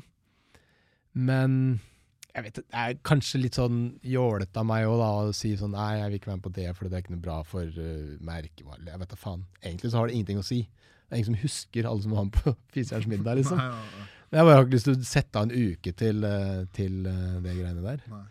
Um, sånn at uh, Men å være med på humorprogrammer Jeg husker jeg var med på um, eh, Brille en gang. Ja. Jeg var med på piloten til Brille. Altså skrev for piloten til Brille. Ja, ok. Og så øh, Og da tror jeg Yngve Skomsvold og jeg var med på piloten til Brille. Og så øh, er jo det et program som egentlig er ganske perfekt for meg. ikke sant? Altså jeg har Det er kunnskapsbasert. jeg er kunnskapsbasert, jeg jobber som lege, jeg er dødsopptatt av forskning og, og kunnskap. Um, og kan levere en vits, liksom. Så hvorfor ikke? Og så um, var jeg med Så ble jeg spurt. Uh, og hadde jo forberedt vitser og alt mulig sånt. Og kom dit, og så uh, var det i gang med innspilling. Jeg bare merka at jeg kom ikke helt til ordet, liksom. Nei. Det var uh, Jeg fikk det ikke til å liksom vits Jeg klarte ikke å bare spille, være med i viben. Og så husker jeg de avbrøt innspilling, og så var det han uh, innspillingslederen bare sånn her, eh, sa han til, Det var Harald Eia som var programleder. bare sånn, kan, uh, Gudrun, henvend deg- litt mer til Jonas, sånn at han kommer litt mer med. liksom. Ja. Så jeg bare skjønte oh, Så jeg, jeg imponerer ikke her, ass! Og så uh, uh, syns jeg ikke det fløyt så veldig bra. Og så etter det så har jeg ikke blitt invitert igjen, liksom. okay. Og det er jo ingen, ingen deltakere i Brille som bare har vært der én gang. Nei, du er Du har Det det på CV-en. Sånn at uh, Altså, det er stort sett veldig mange gjentagende folk, liksom. Ja. Sånn at uh, og, og jeg tenker sånn med, med den sammensetningen lege, komiker Jeg bør være et navn som dukker opp på blokka, liksom. Men at de hver gang bare sånn Nei, jeg tror ikke det funker. Neste. Neste, liksom. Så og jeg er i og for seg helt enig, for jeg, jeg, funker, jeg har jo sett programmet, det var jo ikke noe spesielt morsomt, liksom. uh, sånn at, eh, så det kan jo være at jeg bare Det jeg faktisk får til, er bare standup. Jeg er ikke så god på, på TV-ting. Jeg slipper meg ikke løs nok. Eller jeg, veit da faen. Men du har jo det var, Nå virker det som i hvert fall at uh, skues, det blir mer skuespill. da. Ja, Det er jo først, det var først førstegangstjenesten uh, ja, det har jo uh, vært Altså, jeg har vært med på litt forskjellig Jeg var med på Okkupert. Å, var det det? Ja. Faen, jeg tror jeg så, men uh, Jeg spilte legen til utenriksministeren. Gjorde du det? Ja, ja. Typecasting der. Oh yeah! Så, um, uh, så det var litt spesielt. Og den fikk jeg fordi jeg Han eh, Erik Skjoldbjerg, som, eh, som um, har regi, han er gift med søstera til en kompis av meg. Så jeg hjalp han Jeg hjalp dem med å flytte en gang. Og så han var sånn her Å ja, lege og komiker, artig kombinasjon, liksom. Bla, bla, bla. Han jobba, hadde regi, og så bare Du kunne vært lege i den serien, liksom. Jeg Ja, hoppa inn der og, og gjorde det. Men det var liksom, jeg følte ikke at det var liksom å gjøre noe skuespill, egentlig. Nei, nei, nei. Mens uh, førstegangstjenesten var jo fordi jeg da kjenner Herman Ja. Flesvig fra før. Og så han kjenner jeg fra uh, Altså nå er jeg litt eldre enn han. Jeg var barnevakt for noe sånt. Da han, var det det? ja, ja. Okay. Foreldra våre er venner. Ja, ok. Ja. Så jeg har vokst opp med Herman. Han har bare sånn, alltid vært bare en sånn liten drittunge. Og så plutselig bare Å ja, du er Norges største kjendis. ja. Det er underlig, den der reisen der. For jeg husker han begynte på Westerdals og lagde liksom forskjellige ting. Han, eh, Det var Relax og Ludo som de lagde og sånn. Så var jo han um, Han lagde noen musikkvideoer og sånn, så spurte han meg han, han var på premieren da, til den der Dr. Bergland og den alternative medisin. Da Ja. gikk vel han på Westerdals. Og så uh, var det sånn Du, gidder du, å- legge ut den på Facebook? Den, de hadde lagd sånn her eh, musikkvideo, og jeg bare sånn ja, ja, jeg kan jo gjøre det for deg. Bare sånn, så på den, liksom. Bare sånn, ja, det var jo kul nok, den. Men jeg følte jo på en måte at det var en motstand i meg til å uh, gjøre det, for jeg var usikker på sånn, er dette her bra nok, bla, bla, liksom. Men jeg ville jo på en måte Ville hjelpe Herman, da. Ja, ja. Kul fyr, han, liksom. Ja. Kjente han sin og eh, drittunge. Og så um, Og så da han begynte på Instagram, så husker jeg også jeg bare sånn Shit, det her er jo jævla morsomt. Husker jeg viste liksom sånne eh, folk Odda og bare Se på det her, liksom. Det er jo jævla gøye, rare ting. Ja. Han begynte med Aksel Hennie-parodien og, og sånn. Bare sånn shit, så jævla dyktig han er, liksom. Jeg visste ikke han hadde det i seg, jeg, da. Bare, for, meg så var han jo bare en drittunge som jeg var barnevakt for og turnlærer for og sånn. ja, ja. Altså, Men, eh, og så ble det jo eh, det det blei. Og så husker jeg hvor jeg spurte han du gidder å Kan jeg Gidder du å lage en video og du anbefaler showet mitt, liksom? Så han hadde snudd helt på huet, liksom. ja, det er gøy, da. Ja. Så det var jævlig gøy. Og så um, var det Jeg husker vi Og da var jo han i NRK og, og lagde ting med Robert Stoltenberg og, og sånn. Og så uh, Vi møttes på Humorprisen, jeg tror første varianten av Humorprisen, hvor vi sto og prata. Og så hadde jeg en idé til noen greier som vi kunne gjøre, og så sa han sånn Ja, ja, ja. Jeg bare merka at han fulgte ikke helt med på min idé. Og så sa han jeg har en idé til noe mm, en sånn uh, At vi liksom er i militæret. Så kan du være offiser, og så er jeg uh, forskjellige rekrutter og sånn. Og jeg bare Ja, ja, det, blir, det er kjempebra, den jeg, var, jeg var mer opptatt av at han ikke gadd å høre på min idé. Og så, sa jeg sånn Ja, det høres kult ut, det, liksom. Og så gikk det liksom Vet ikke, halvt år eller noe sånt, så fikk jeg en mail fra NRK. Og sånn du, kunne du tenke deg Vi har to innspillingsdager der og der. Du skal være en sersjant, eller noe sånt. Og da var jeg litt sånn vrien. Jeg bare sånn der, Å ja, Herman, ja, stemmer det? Det ble noe av det greiene der? Ja, ok, greit. Uh, og jeg måtte bytte om på noen datoer. Bare sånn, ja, da kan jeg ikke. Jeg var, jeg var egentlig sånn De kunne lett bare bytta meg ut med, med en, eh, en annen enn liksom. ja. Så de tilpassa liksom Ja, ok, men da hvis vi gjør det sånn, da kan du da liksom Og så kom jeg dit, gjorde det. Visste ikke hva det handla om. Leste bare de replikkene jeg hadde. Og så la de ut to episoder, eller hva det var. Og så ble det jo helt det var ko-ko. bang, Ja. ja. ja, det var så rart, det greiene der. Og så var det jo jævlig gøy, da. Og så Ja. ble det jo skikkelig volum på produksjonen. Og Ja, det, resten. det så ut som de siste, siste greiene. Det kosta nok mye penger. Ja, for faen. Nei, det var helt sprøtt. Så um, kjempegøy og jævlig imponerende jobba av Herman, liksom. Ja, fy faen. Ja. Helt, helt rått. Så det var bare sånn flaks at jeg fikk den, den muligheten der. Okay. Så um, jeg har kødda mye med henne, da. Um, at uh, Vi har en sånn running gag på at um, uh, han kan takke meg for at det har gått såpass bra.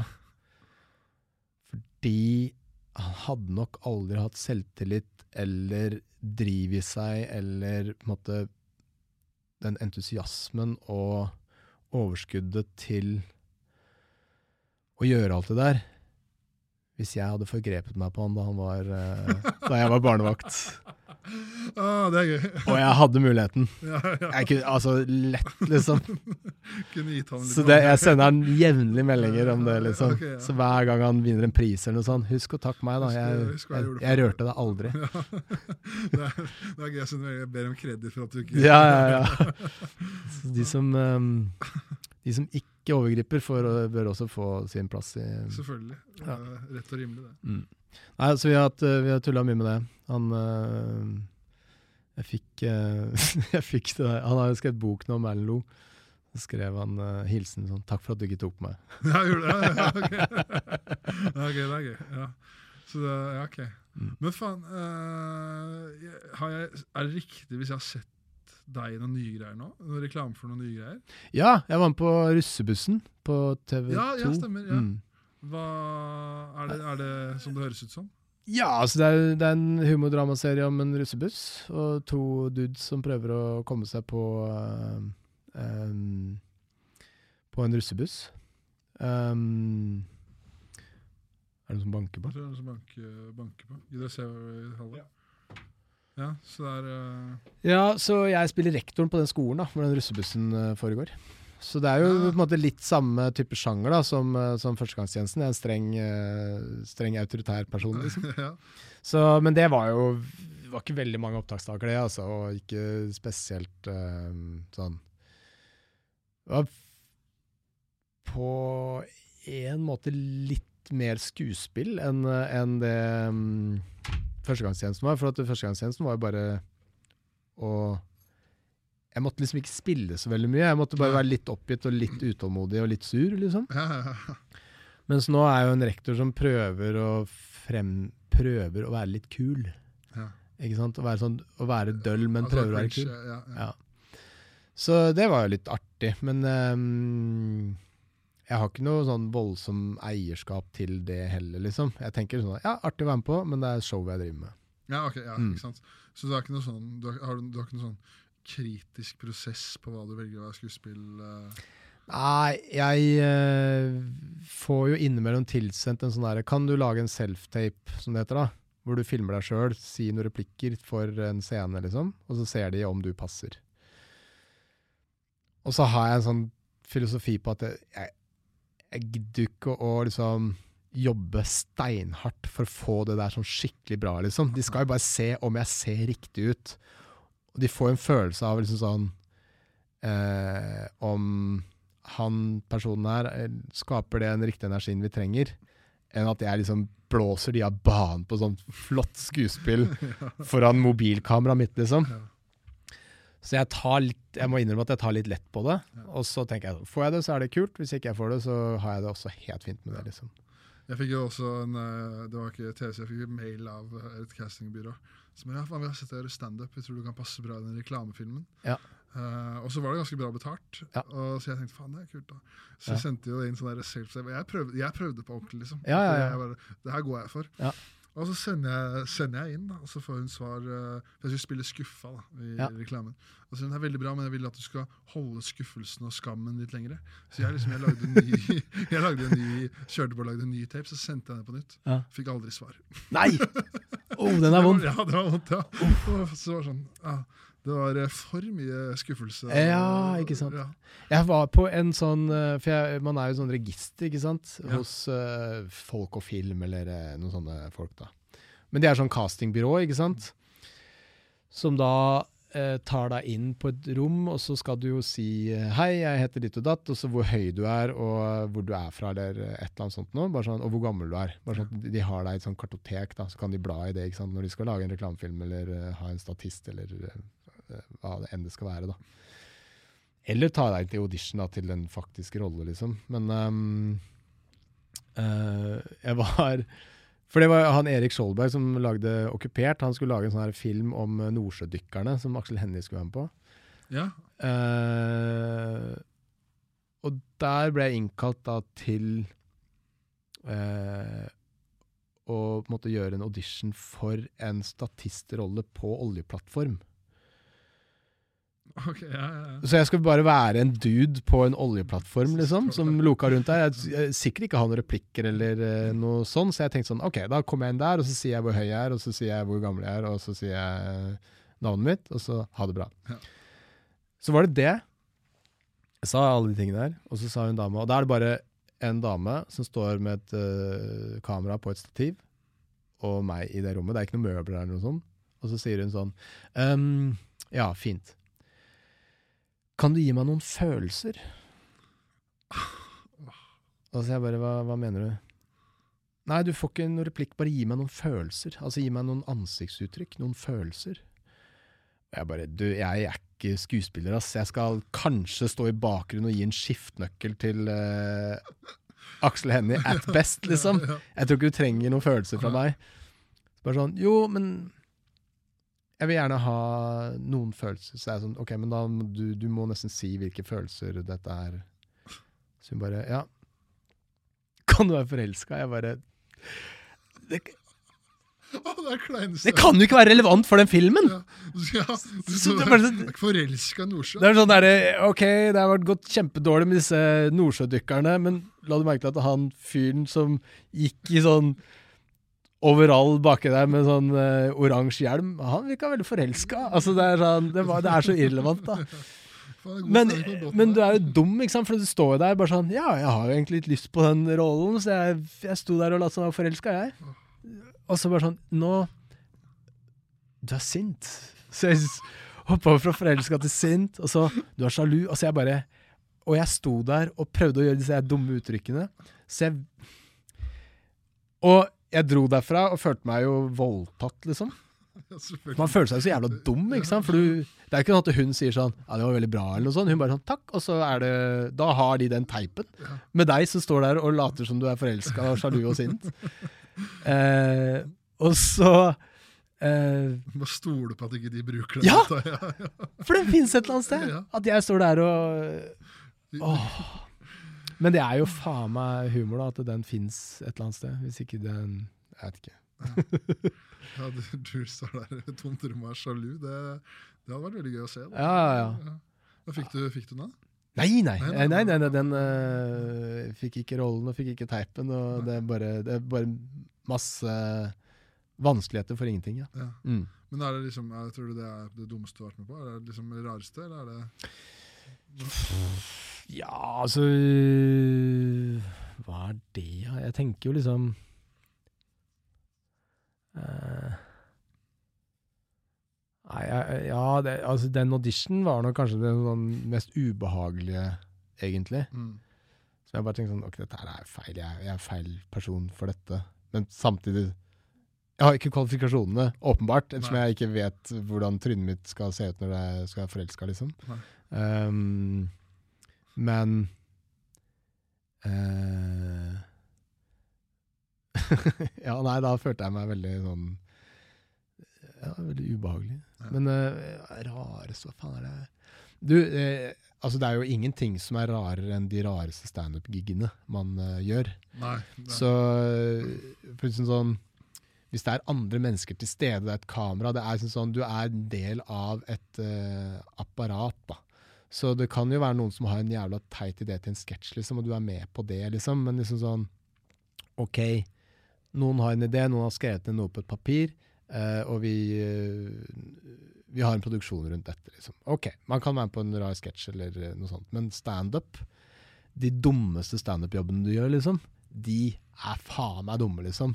Og da er du så aleine, og du er så jævlig ute å sykle, liksom. Altså Ref det der panikkanfallet på scenen. da. Sånn, ok, ingen dør, det er ingenting som er farlig her. Det er ikke noe helserisiko, men du tror altså Kroppen din reagerer jo virkelig som om Ok, nå, nå blir jeg landsforvist, liksom. Ja, ja, Hvis ikke ja. dette her går bra. Mm. Husker jeg var Ganske tidlig i karrieren så var det en sånn uh, Det var en fyr i Stein Norge som jobba der, som takka ja til alle mine sånne dumme ideer. Uh, altså det er mulig alle sånne bookingbyråer gjør det der fortsatt, men de kaster jo selvfølgelig nykommerne ut i det greiene der. ikke sant? Fordi jeg ville til å gjøre alt mulig bullshit. For penger. ja. For ingenting. Ja. Så det var um, Hvem var det? Det var Mats Hadler, tror jeg. Så var det en som het Magnus Jørgensen og meg. Kanskje Jonna også. Vi skulle da, Det var en sånn her firmakickoff som skulle være ute i Fettsund. Så alle disse her ehm, folka da, som skulle være med på det kickoffet, skulle kjøre da fire busser ut til Fettsund. Det er en, ca. en times busstur. Og så skulle vi være skjult teater. Skjult teater er at du later som du er en rolle, men det er tull, da. Eh, så du spiller jo eh, Så vi skulle da spille Vanlig skjult teatergreie er jo at man spiller kelner ikke sant? på en restaurant hvor folk har et firmaevenement. Så er du en rar kelner. Eller at du later som du er en foredragsholder, og så er det tøyste foredrag, og alle bare «Ja, du er Rar foredragsholder, og så sier du 'hæ, jeg bare kødda'. det er skjult teater, Ja, liksom. Så her var rollen at vi skulle da være guide på disse bussene. Så vi skulle være da sånn rare guider. Og så skulle vi etter hvert avsløre at vi er ikke guider. Vi er Eller ikke vi, for vi var jo ikke samla på en buss. Nei, det var Det var én og én på hver sin buss, liksom. Du er virkelig on your own, da. ja. Bussjåføren en gang veit jo ikke hva dette her er. Nei. Du bare går på bussen og sier 'hei, jeg er guiden deres'. og så er det 20 stykker som sitter og vorser på vei til Fettsund. Og, og så plutselig blir du avbrutt av en guide. Og så skal du etter hvert da Etter hvert som du har vært en jævla gøyal, rar guide, så skal du si 'nei da, jeg er ikke guide, jeg er standup-komiker'. Nå nå skal dere få et jævla fett standup-show Ja. på buss! Ja. Som aldri går bra. Nei, selvfølgelig ikke. Så det har jeg gjort, da. Jeg gjorde jo den gigen der hvor, vi, hvor eh, jeg var en av fire som eh, fikk hver vår buss og skulle være guide. Og jeg tror jeg sprakk før Karihaugen på, eh, ut av Oslo sentrum, liksom. Ja. Hvor jeg da var guide og sa Og det er helt sjukt at jeg ikke tenkte bare sånn Jeg kan jo bare late som jeg er guide. Ja. Jeg kommer til å være en dårlig guide uansett. Jeg er jo ikke guide. Så jeg kan bare prøve å være guide. Mens jeg tenkte sånn Jeg skal være en veldig kul, rar guide. Som falt jo i fisk med en gang, for det var jo bare sånn øh, Altså, jeg sa så lite og innholdsløst. Det var sånn Ut her ser dere jorder. Ja.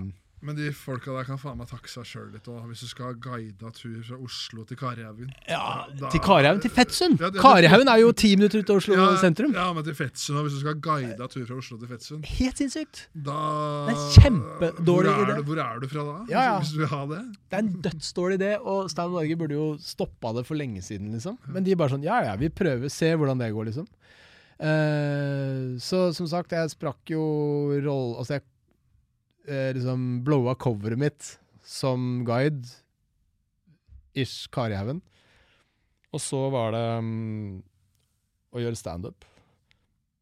Som ikke var noe sånn Det var ikke noe lettelse i forsamlingen. At, å Endelig. han, han er ikke guide. Han er heldigvis er han standup-komiker. Ja, ja. Det var ikke det, at det var sånn Takk Gud. Åh, endelig, nå skal vi ha det kjempegøy. Ja. Så det var jo bare en gisselsituasjon for alle involverte her, liksom. Hvor de bare OK, han øh, Da må vi høre på den jævla stakkars fyren der, da. Gjøre standup, liksom. Det går ikke bra. Nei, selvfølgelig Det ikke. er ikke noe, det er ikke noe bra lyd. De har ikke lyst til å følge med. Og det settet varer jo ti minutter, da. Eh, og så har du ikke noe mer, så da må du bare sette deg ned på den bussen sammen med de folka. For du går jo ikke av. Nei, nei, nei. Til tilbake- Fetsund? Skal tilbake med det igjen? Nei, heldigvis. Vi ble henta i Fetsund. Og da møtte jeg de andre komikerne og var bare sånn herre OK, dere har også blitt voldtatt på en buss, ikke sant? Se alle gutta komme fra ah, vi, slaget. altså, vi var så jævlig slagne, liksom. ja, ja, ja. Og da tenkte jeg bare sånn Dette her er jo ikke sunt, liksom. Altså, du, man føler seg så nedrig. Du er jo eh, At man da fortsetter etter noe sånt, er jo eh, Det sier noe om psyken til folk som eh, Altså sånn eh, Folk som blir slått i forholdet sitt, liksom. Du blir. ja. Fordi jeg, jeg har, når kompiser av meg liksom har Uh, Blitt slått av dama si. Ja, blitt slått av dama si. Brutalt. Nei, men uh, hvis kompiser av meg for spør, sånn, sånn så sier jeg liksom du må altså, Det er kanskje feil ord å bruke, men noen ganger nesten, nesten, er litt dum for å liksom, orke det standup-kjøret. Ja, ja. Som jeg husker, jeg, det, er- det er faen ikke lenge siden, altså ett og et halvt år siden. Så da spurte jeg om ah, gidder å gjøre en pub oppe i jeg tror faen meg var Gjøvik. Mm. Og så sier jeg ja selvfølgelig til det, da, men det var jo liksom Ja, vi deler billettinntektene, men betaler uh, togbilletten sjøl. Ja. Ja, Ja, ja, ja. Og, ja, ja, ja. og jeg vet ikke om folk er klar over det, men tur-retur til Gjøvik med tog, det er 700-800 kroner. det. Ja, ja. Ja. Det er helt tullete. Så kom jeg på Gjøvik, så- solgt tre billetter. Skal, er der, er konferansier, stå foran de tre. Ja. Og da jeg satt på vei hjem da, på det toget på hjem, så bare så jeg tenkte jeg, faen, du er en idiot, Espen. Og Ja. det er veldig sånn, Nei, men man skam. gjør jo det der. Ja, ja. Ja, det Og samme som i går, og så var jeg på, jeg var på idrettshøyskolen og skulle gjøre en jobb eh, der. ja. For elever der, eller? For elever der, Ja. Og, og det var liksom, det var ikke hele auditoriet. Det Nei. var da eh, to klasser Å ja. som hadde besøk av sine svenske kollegaer. Oh, ja. Eh, Så de hadde da, Da var det en annen standup-komiker som heter Knut Sørsgaard, som akkurat har begynt med standup, som hadde spurt om jeg ville komme i Hørdal. Ja, Og så var det liksom, ja, jeg fikk 1500 kroner. Liksom, jeg bare, ja, jeg kan, jeg kan gjøre det. ja, ja, ja. Så drar jeg det, og så ser jeg liksom når jeg kommer inn der, da, det er jo diskotek. Ja. De, har jo, de koser seg som et helvete og danser, og det er god stemning. ja. Og så er det sånn Ja, nå blir det standup. Å, fy faen. Og så stå, og vet du hva, det var ikke scenen, du står midt i rommet. Og da er det en, øh, en bærbar uh, høyttaler med mikrofonen, så du liksom står og liksom holder høyttaleren sjøl. Ja, ja, ja. Og så Ja, ja. prater Og de svenskene skjønner jo ikke hva jeg sier. ikke sant? De bare 'Vi fatter ikke'. Fy faen. Det her, eh, ja, det her er ikke levbart. Nei, nei, nei. nei men, altså, man gjør så mye dumme, jævlige, forferdelige ting, og du går tilbake liksom. Det er som å bli slått uh, av kjæresten sin, liksom. Du bare slår ikke opp. Ja. Sånn at um, Fortalte Dag om nykommerturneen vår? Jeg tror han har vært, vært innom det, men jeg- jeg er ikke, sånn, ikke på podkasten, så det er bare å kjøre at på. Uh, vi hadde jo da uh, noen drodlemøter hvor um, uh, Fordi han som solgte showet til disse her pubene og sånn, hvor vi skulle spille da, Ja, han sa eh, det er et variert show eh, med Av en eller annen grunn så bare lagde han en, eh, en meny av ting vi skulle ha med i showet. Som er helt meningsløst. Han burde sagt sånn Det er fire nye navn som har standup. Ferdig. Eh, men han bare lagde en sånn en liten beskrivelse av showet, som er helt unødvendig. Eh, så det var da eh, Det er sang, eh, imitasjoner, og det hele avsluttes med et forrykende avslutningsnummer hvor alle fire er på scenen. Så Det var innsalget, Forløperne til Komikameratene. egentlig. Så, og vi var bare sånn Å ja, faen. Vi, eh, og vi var jo såpass nye da at vi tenkte sånn Ja ja, vi må jo ha et forrykende avslutningsnummer hvor alle fire er på scenen. Selvfølgelig. Eh, og uh, Og Dag skrev hiphop. Han skrev rapptekster. Satt hjemme og skrev rapptekster. Ok. Uh, jeg uh, Tungtvann eh, prequel der. Ja, ja. Og, og Nilsi, han skrev rappgreier. Uh, og Dag var faktisk ikke så verst. Han skrev, skrev noe bra rim, han altså. Mm. Jeg håper han har det igjen nå. Ja. Og så, men det vi endte på, da, for at Nilsi hadde noe imitasjonsgreier eh, Og så endte vi på et avslutningsnummer hvor Sigrid spilte bratsj, for hun kan jo spille bratsj, som er en slags fele. Og jeg dansa For hun kunne da Altså, det her var Det er så jævlig dårlig, det her avslutningsnummeret. Nils rappa. Sigrid spilte bratsj. Jeg dansa Michael Jackson. Og Dag spilte blokkfløyte. Spilte Men, ah. men jeg føler på en måte Dag og Sigrid kom best ut av det, fordi at Sigrid kan jo faktisk spille bratsj. Så hun kunne spille en Billie Jean på liksom eh, bratsjen. At jeg liksom skulle danse Michael Jackson til det Det var, det var jo ikke det, var, det, var, det, er veldig vanskelig å se hvor, hvor skal man le i dette her, liksom. Mm. Men det her gjorde vi hver jævla kveld, liksom. Og Dag kom også godt ut av det, for han kan jo ikke spille blokkfløyte, så han kunne tullespille blokkfløyte, liksom. Ja. Han liksom spilte solo Ja, og satte noe stjerneskudd i de der høla på Så han liksom hadde pyro samtidig som han hadde spilte solo, da. Og jeg dansa, og Nilsi ra rappa, liksom. Men Nils og jeg kom jo dårligst ut av det fordi vi prøvde jo faktisk å være litt flinke. Ja, ja, ja. Jeg synes jo liksom sånn, jeg var litt flink til å danse Michael Jackson, så jeg hadde lyst til at det skulle se fint ut. Og Nilsi hadde lyst til å være litt flink til å rappe, liksom. Og det var jo sånn typ det vi snakka om i stad, altså revylåter som bare, hvor du bare rimer litt. Det er jo ikke en god nok idé, liksom. Det her var jo akkurat det. Så, så det her skjedde, liksom. At vi fire sto på scenen med det jævla nummeret der. Um, og det var veldig sjelden det gikk noe bra, liksom. Men det var jo da avslutningsnummeret vårt, så da gikk vi av bukka og gikk av, liksom. Tror du noen i publikum da var sånn Faen, han der kommer nok til å bli en uh, suksessfull, rik legekomiker. Jeg tipper de aller fleste har tenkt sånn der De her uh, slutter nok med dette og får seg en ordentlig jobb. ja, det får seg en ordentlig jobb. Mm. Men eh, du må bare si fra. Har du tid litt til? Du, jeg skal sjekke Jeg tror jeg har det. Altså. Så det ikke blir en gisselsituasjon her også. Ja, ja, ja. På en måte. Så jeg har Om eh, Drar fra Torshov Så om et, om et kvarter? Ja, ja, ja. Det er helt, eh, helt uh, perfekt. Vi har vel holdt på nesten to timer, har vi ikke det, Halvor? Ja. Så,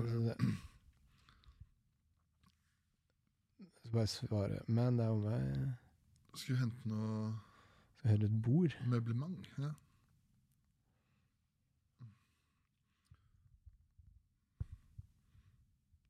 Bare skvist ut uh, den siste For det bare Det hadde vært uh, kult å høre liksom sånn uh, Var det noe spesiell grunn til hvorfor du ble lege? Eller Var det Ehm, ja, altså jeg gikk på etter folkehøyskolen, så den folkehøyskolen var jo en eh, idrettsskole.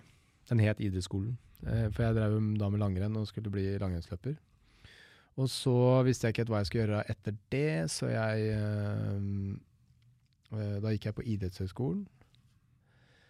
Og vi har da også hatt standup for studenter der Ja, ja, ja. etter hvert. Men jeg gikk der, eh, tok idrett grunnfag, og så tok jeg da en bachelor i idrettsbiologi. Og det gjorde jeg fordi jeg ikke visste hva jeg skulle gjøre. liksom. For Jeg jeg fortsatt å satsa på ski, jeg skulle bli skiløper. Og så um, Da jeg tok den bacheloren, så syns jeg på en måte den fysiologien og sånn som vi lærte der, var jævlig interessant, men det var veldig snevert. Det handla bare om fysisk aktivitet og hva som skjer i kroppen når man blir sliten, på en måte. Ehm, eller når du bygger muskler, eller sånne ting. Så jeg hadde på en måte lyst til å lære resten også, og da var jo på en måte neste steg på programmet da, var jo i og for seg medisin, da. ja. Jeg bare, jeg, bare digga å være student. Jeg likte å på en måte ikke ha en eh, Jeg ville ha alt åpent. Ja, ikke sant. For da er det sånn eh, I den, den tida der, da var, eh, da var det liksom bedre med deg selv personlig, og ting fløyt bedre etter det? Eller var det Ja, på en måte. Tenk, ja, litt. Men bare, da hadde jeg i hvert fall et mål, da. Jeg, Ja. skulle, jeg skulle bli langrennsløper. Mm. Um, sånn at eh, da uh, måtte jeg jo studere et eller annet, liksom, for å måte drive med det. Men om jeg får meg en jobb, så må man jobbe. ja. Da har jeg ikke tid til å trene. Ja. Så jeg tenkte liksom at hvis jeg studerer, så har jeg tid til å trene. Og så søkte jeg medisin mest fordi at det var et langt studie, og jeg syntes faget var interessant. Jeg, aldri, jeg tenkte aldri om jeg skulle bli lege, eller hva slags lege jeg skulle bli. eller noe sånt. Det var mer sånn, ja, det, Da lærer jeg i hvert fall noe nyttig, og noe som jeg liker. Og det er et langt studie, så da kan jeg på en måte klare å bli skiløper mens jeg studerer. Ok, Så det var, liksom, altså, det var plan B, på en måte? Bare, Ja, ja. Altså, Legegreiene var som det, Jeg tenkte aldri at jeg en- kom til å ende opp som faktisk lege. Var sånn der, å være student var målet mitt, egentlig. Okay. Så når det begynte å nærme seg slutten, så var det sånn der For alle jeg studerte med, var jo sånn Ja, man skal ditt og datt, og jeg hadde ikke peiling, så jeg tok turnusen. Men da hadde jeg begynt underveis med standup. Så da ble det liksom fokuset. Tenkte sånn, hvordan kan jeg opprettholde og drive med det? Så når jeg tok turnus, så hadde det sikkert vært gøyest å dra til Finnmark, liksom, på en eller annen øy langt ute i havgapet. Det, det er jo mer interessant enn å dra til Gjøvik. Ja. Men jeg tok turnus på Gjøvik, for det var i nærheten av Oslo. Så jeg kunne gjøre stand-up, standup. Stand Mm. Så da ble på en måte langrennsdrømmen ble bare sånn sakte, men sikkert borte underveis? da? Ja, den ble borte etter NM i 2006, da Petter Northug slo gjennom. Så, Var du med da? Ja, Ja, okay. da var han Han var vel 18 og knuste alle. Ja. Og jeg var 25 eller 26 og trodde at liksom sånn Ok, så lenge folk begynner å gi seg fordi de er for gamle, så kommer jo jeg til å være best etter hvert. Og så kommer han av 18 og bare moste alle til helvete, liksom. Ja. Så jeg bare Ja, det her er jo helt meningsløst. Jeg kommer jo aldri til å Jeg kommer aldri til å slå han fyren der, liksom. Nei. Så Petter Northug gjorde at du la ski? Ja, ja, ja. 100% Det er gøy. Så Ikke at det, det var sånn Det var ikke sånn at landslagsledelsen lurte på hva slags form jeg var i til sesongen, liksom. Jeg var ikke så god, altså. Men Nei, jeg men tenkte at det var liksom en viss mulighet. Hvis jeg virkelig trente, så kunne jeg kanskje klare noe. Så for det, var, det er, vel, er det noe sånn rekruttlandslag? Ja da, det er massevis av sånne ting, Ja, liksom. så var liksom Men, øh, men nei, nei jeg var, jeg var jo aldri sånn skikkelig god, men jeg tenkte at faen, det, det skal være mulig, liksom. Ja. Så mine forbilder var sånn uh, Halvard Hanevold og sånne folk som hadde liksom, kommet fra ingenting og Ja. fått det til. Da. sånn seint utvikla Ja. og liksom slo inn da 30? Ja, ja. Okay, ja. Ja, Mario de Solt og sånn. Jo, man blir jo sånn litt leitende. sånn, faen, det er, for man finner jo alltid en historie man kan koble seg til. At liksom det er mulig. Uh, men jeg skal, la jeg skal la deg komme deg av, av gårde. Uh, Fem minutter til. Ja, ok. Jeg bare, jeg følte liksom at plutselig bare, Jeg hadde jo jeg kommer til å få, Nå kommer jeg til å få Jeg hadde liksom snakka med folk. Faen, jeg skal ha Jonas inn i studio og sånn. Ja, da spør om det, spør om det. Men plutselig hadde det gått to timer her. Det var, Ja, ja, ja. Men hva, hva, er det du, hva er det folk har sagt at du skal Nei, det var legespørsmål, vaksine, det var fasting, det var Ja, alt det søvn og- Ja.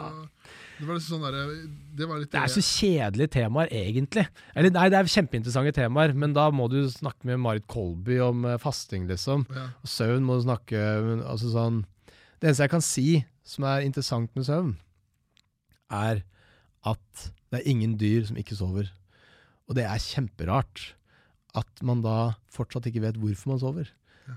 Det fins jo ikke noe godt svar på det. Eh, annet enn at eh, uten søvn så kommer du til å dø. Og så er det veldig rart at evolusjonen har laget da at alle dyr er bevisstløse halvparten av tiden de eksisterer. Som gjør deg utrolig sårbar for å bli spist av eh, rovdyr. Så det er veldig viktig at det fortsatt fins, men hvorfor, det har man ikke peiling på. Det er ganske interessant. Det er ikke noe, ikke, det er ikke noe studier noe som viser til noe Nei, det er masse forskjellige studier hvor de har uh, tappa uh, cerebrospinalvæsken, som er den der væsken som eh, produseres i hjernen. da. Som på en måte er eh, dreneringssystemet inni hjernen.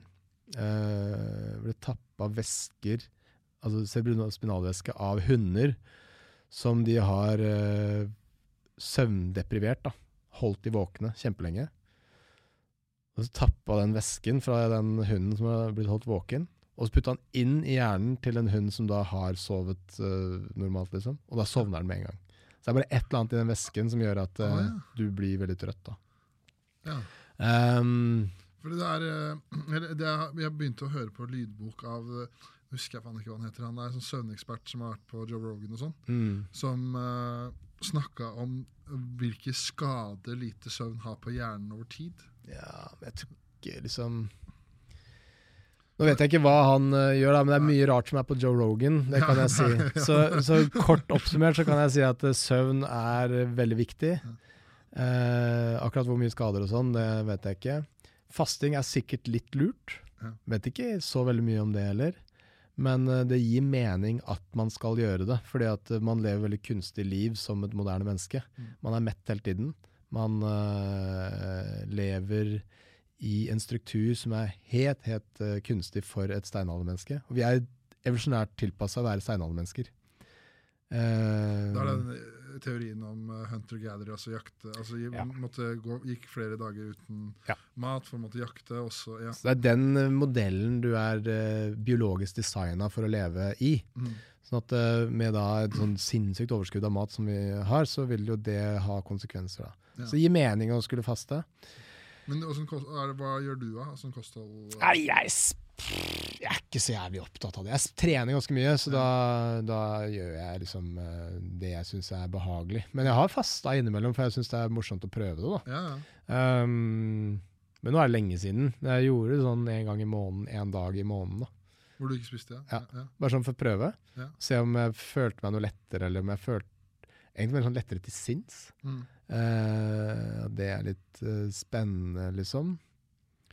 Men igjen, jeg er jo da rasjonalist, så jeg eh, eh, er jo opptatt av hva eh, vitenskapen sier. Ja. Og da må det være god vitenskap. Det kan ikke være en eller annen gjøk som sitter på Joe Rogans og, øh, og, og på en måte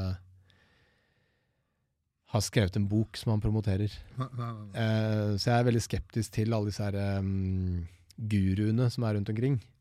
Marit Kolby er jo tilfeldigvis en forsker da, og har peiling, liksom. Så hun kan jo si noe om, de der, eh, om fasting og sånne ting. Ja. Men jeg må innrømme at jeg, liksom, jeg er ikke noen sånn helsefrik. Jeg bare vet at det er lurt å bevege seg, og det er lurt å sove, og det er lurt å ha et variert kosthold. Ja. Og ikke spise for mye, liksom. Mm. Det, hvis du klarer å holde det, Ja. så er du ganske godt på vei. Eh, men det er sjokkerende få som faktisk gjør det. Ja, det er det. Jeg kjenner meg igjen. Nei, men Da kan vi jo avslutte med den eh, visdommen der. Altså, ja. Tusen takk for at du gadd å komme. Du, veldig hyggelig. Ja, absolutt. Ok. Ja. Ja, faen, Å ja, nei, nei, nei. Det, det går dritbra. Jeg har, eh, har bra nok med tid ennå. Altså. Ja, ja, det er bra. Jeg skulle gjerne sitte en time til. Ja. Det var jo døds... øh, Det er et eller annet rart med podkast at det skaper en sånn Det skaper en drive til å snakke om ting som At du hopper inn i den der gode samtalen man har sånn fem på natta på et nachspiel. Ja, liksom. det er det. ja. Nei, det var, eh, det var, faen, det var hyggelig å begynte å få det. Jeg følte, jeg følte det egentlig var hyggelig prat. Altså. Jeg tror dette funker bra. Jeg. Ja. Det er jo, jeg tror det er lurt med en sånn ny podkast som på en måte havner litt i uh, et segment som mange har gjort før. At du har gjester som er vant til å snakke om de tingene du skal snakke om. Ja, Og så er jo du nysgjerrig på disse tingene. det er det. Og da funker det jo veldig mye bedre. Så jeg prøver å få inn noe annet enn eh,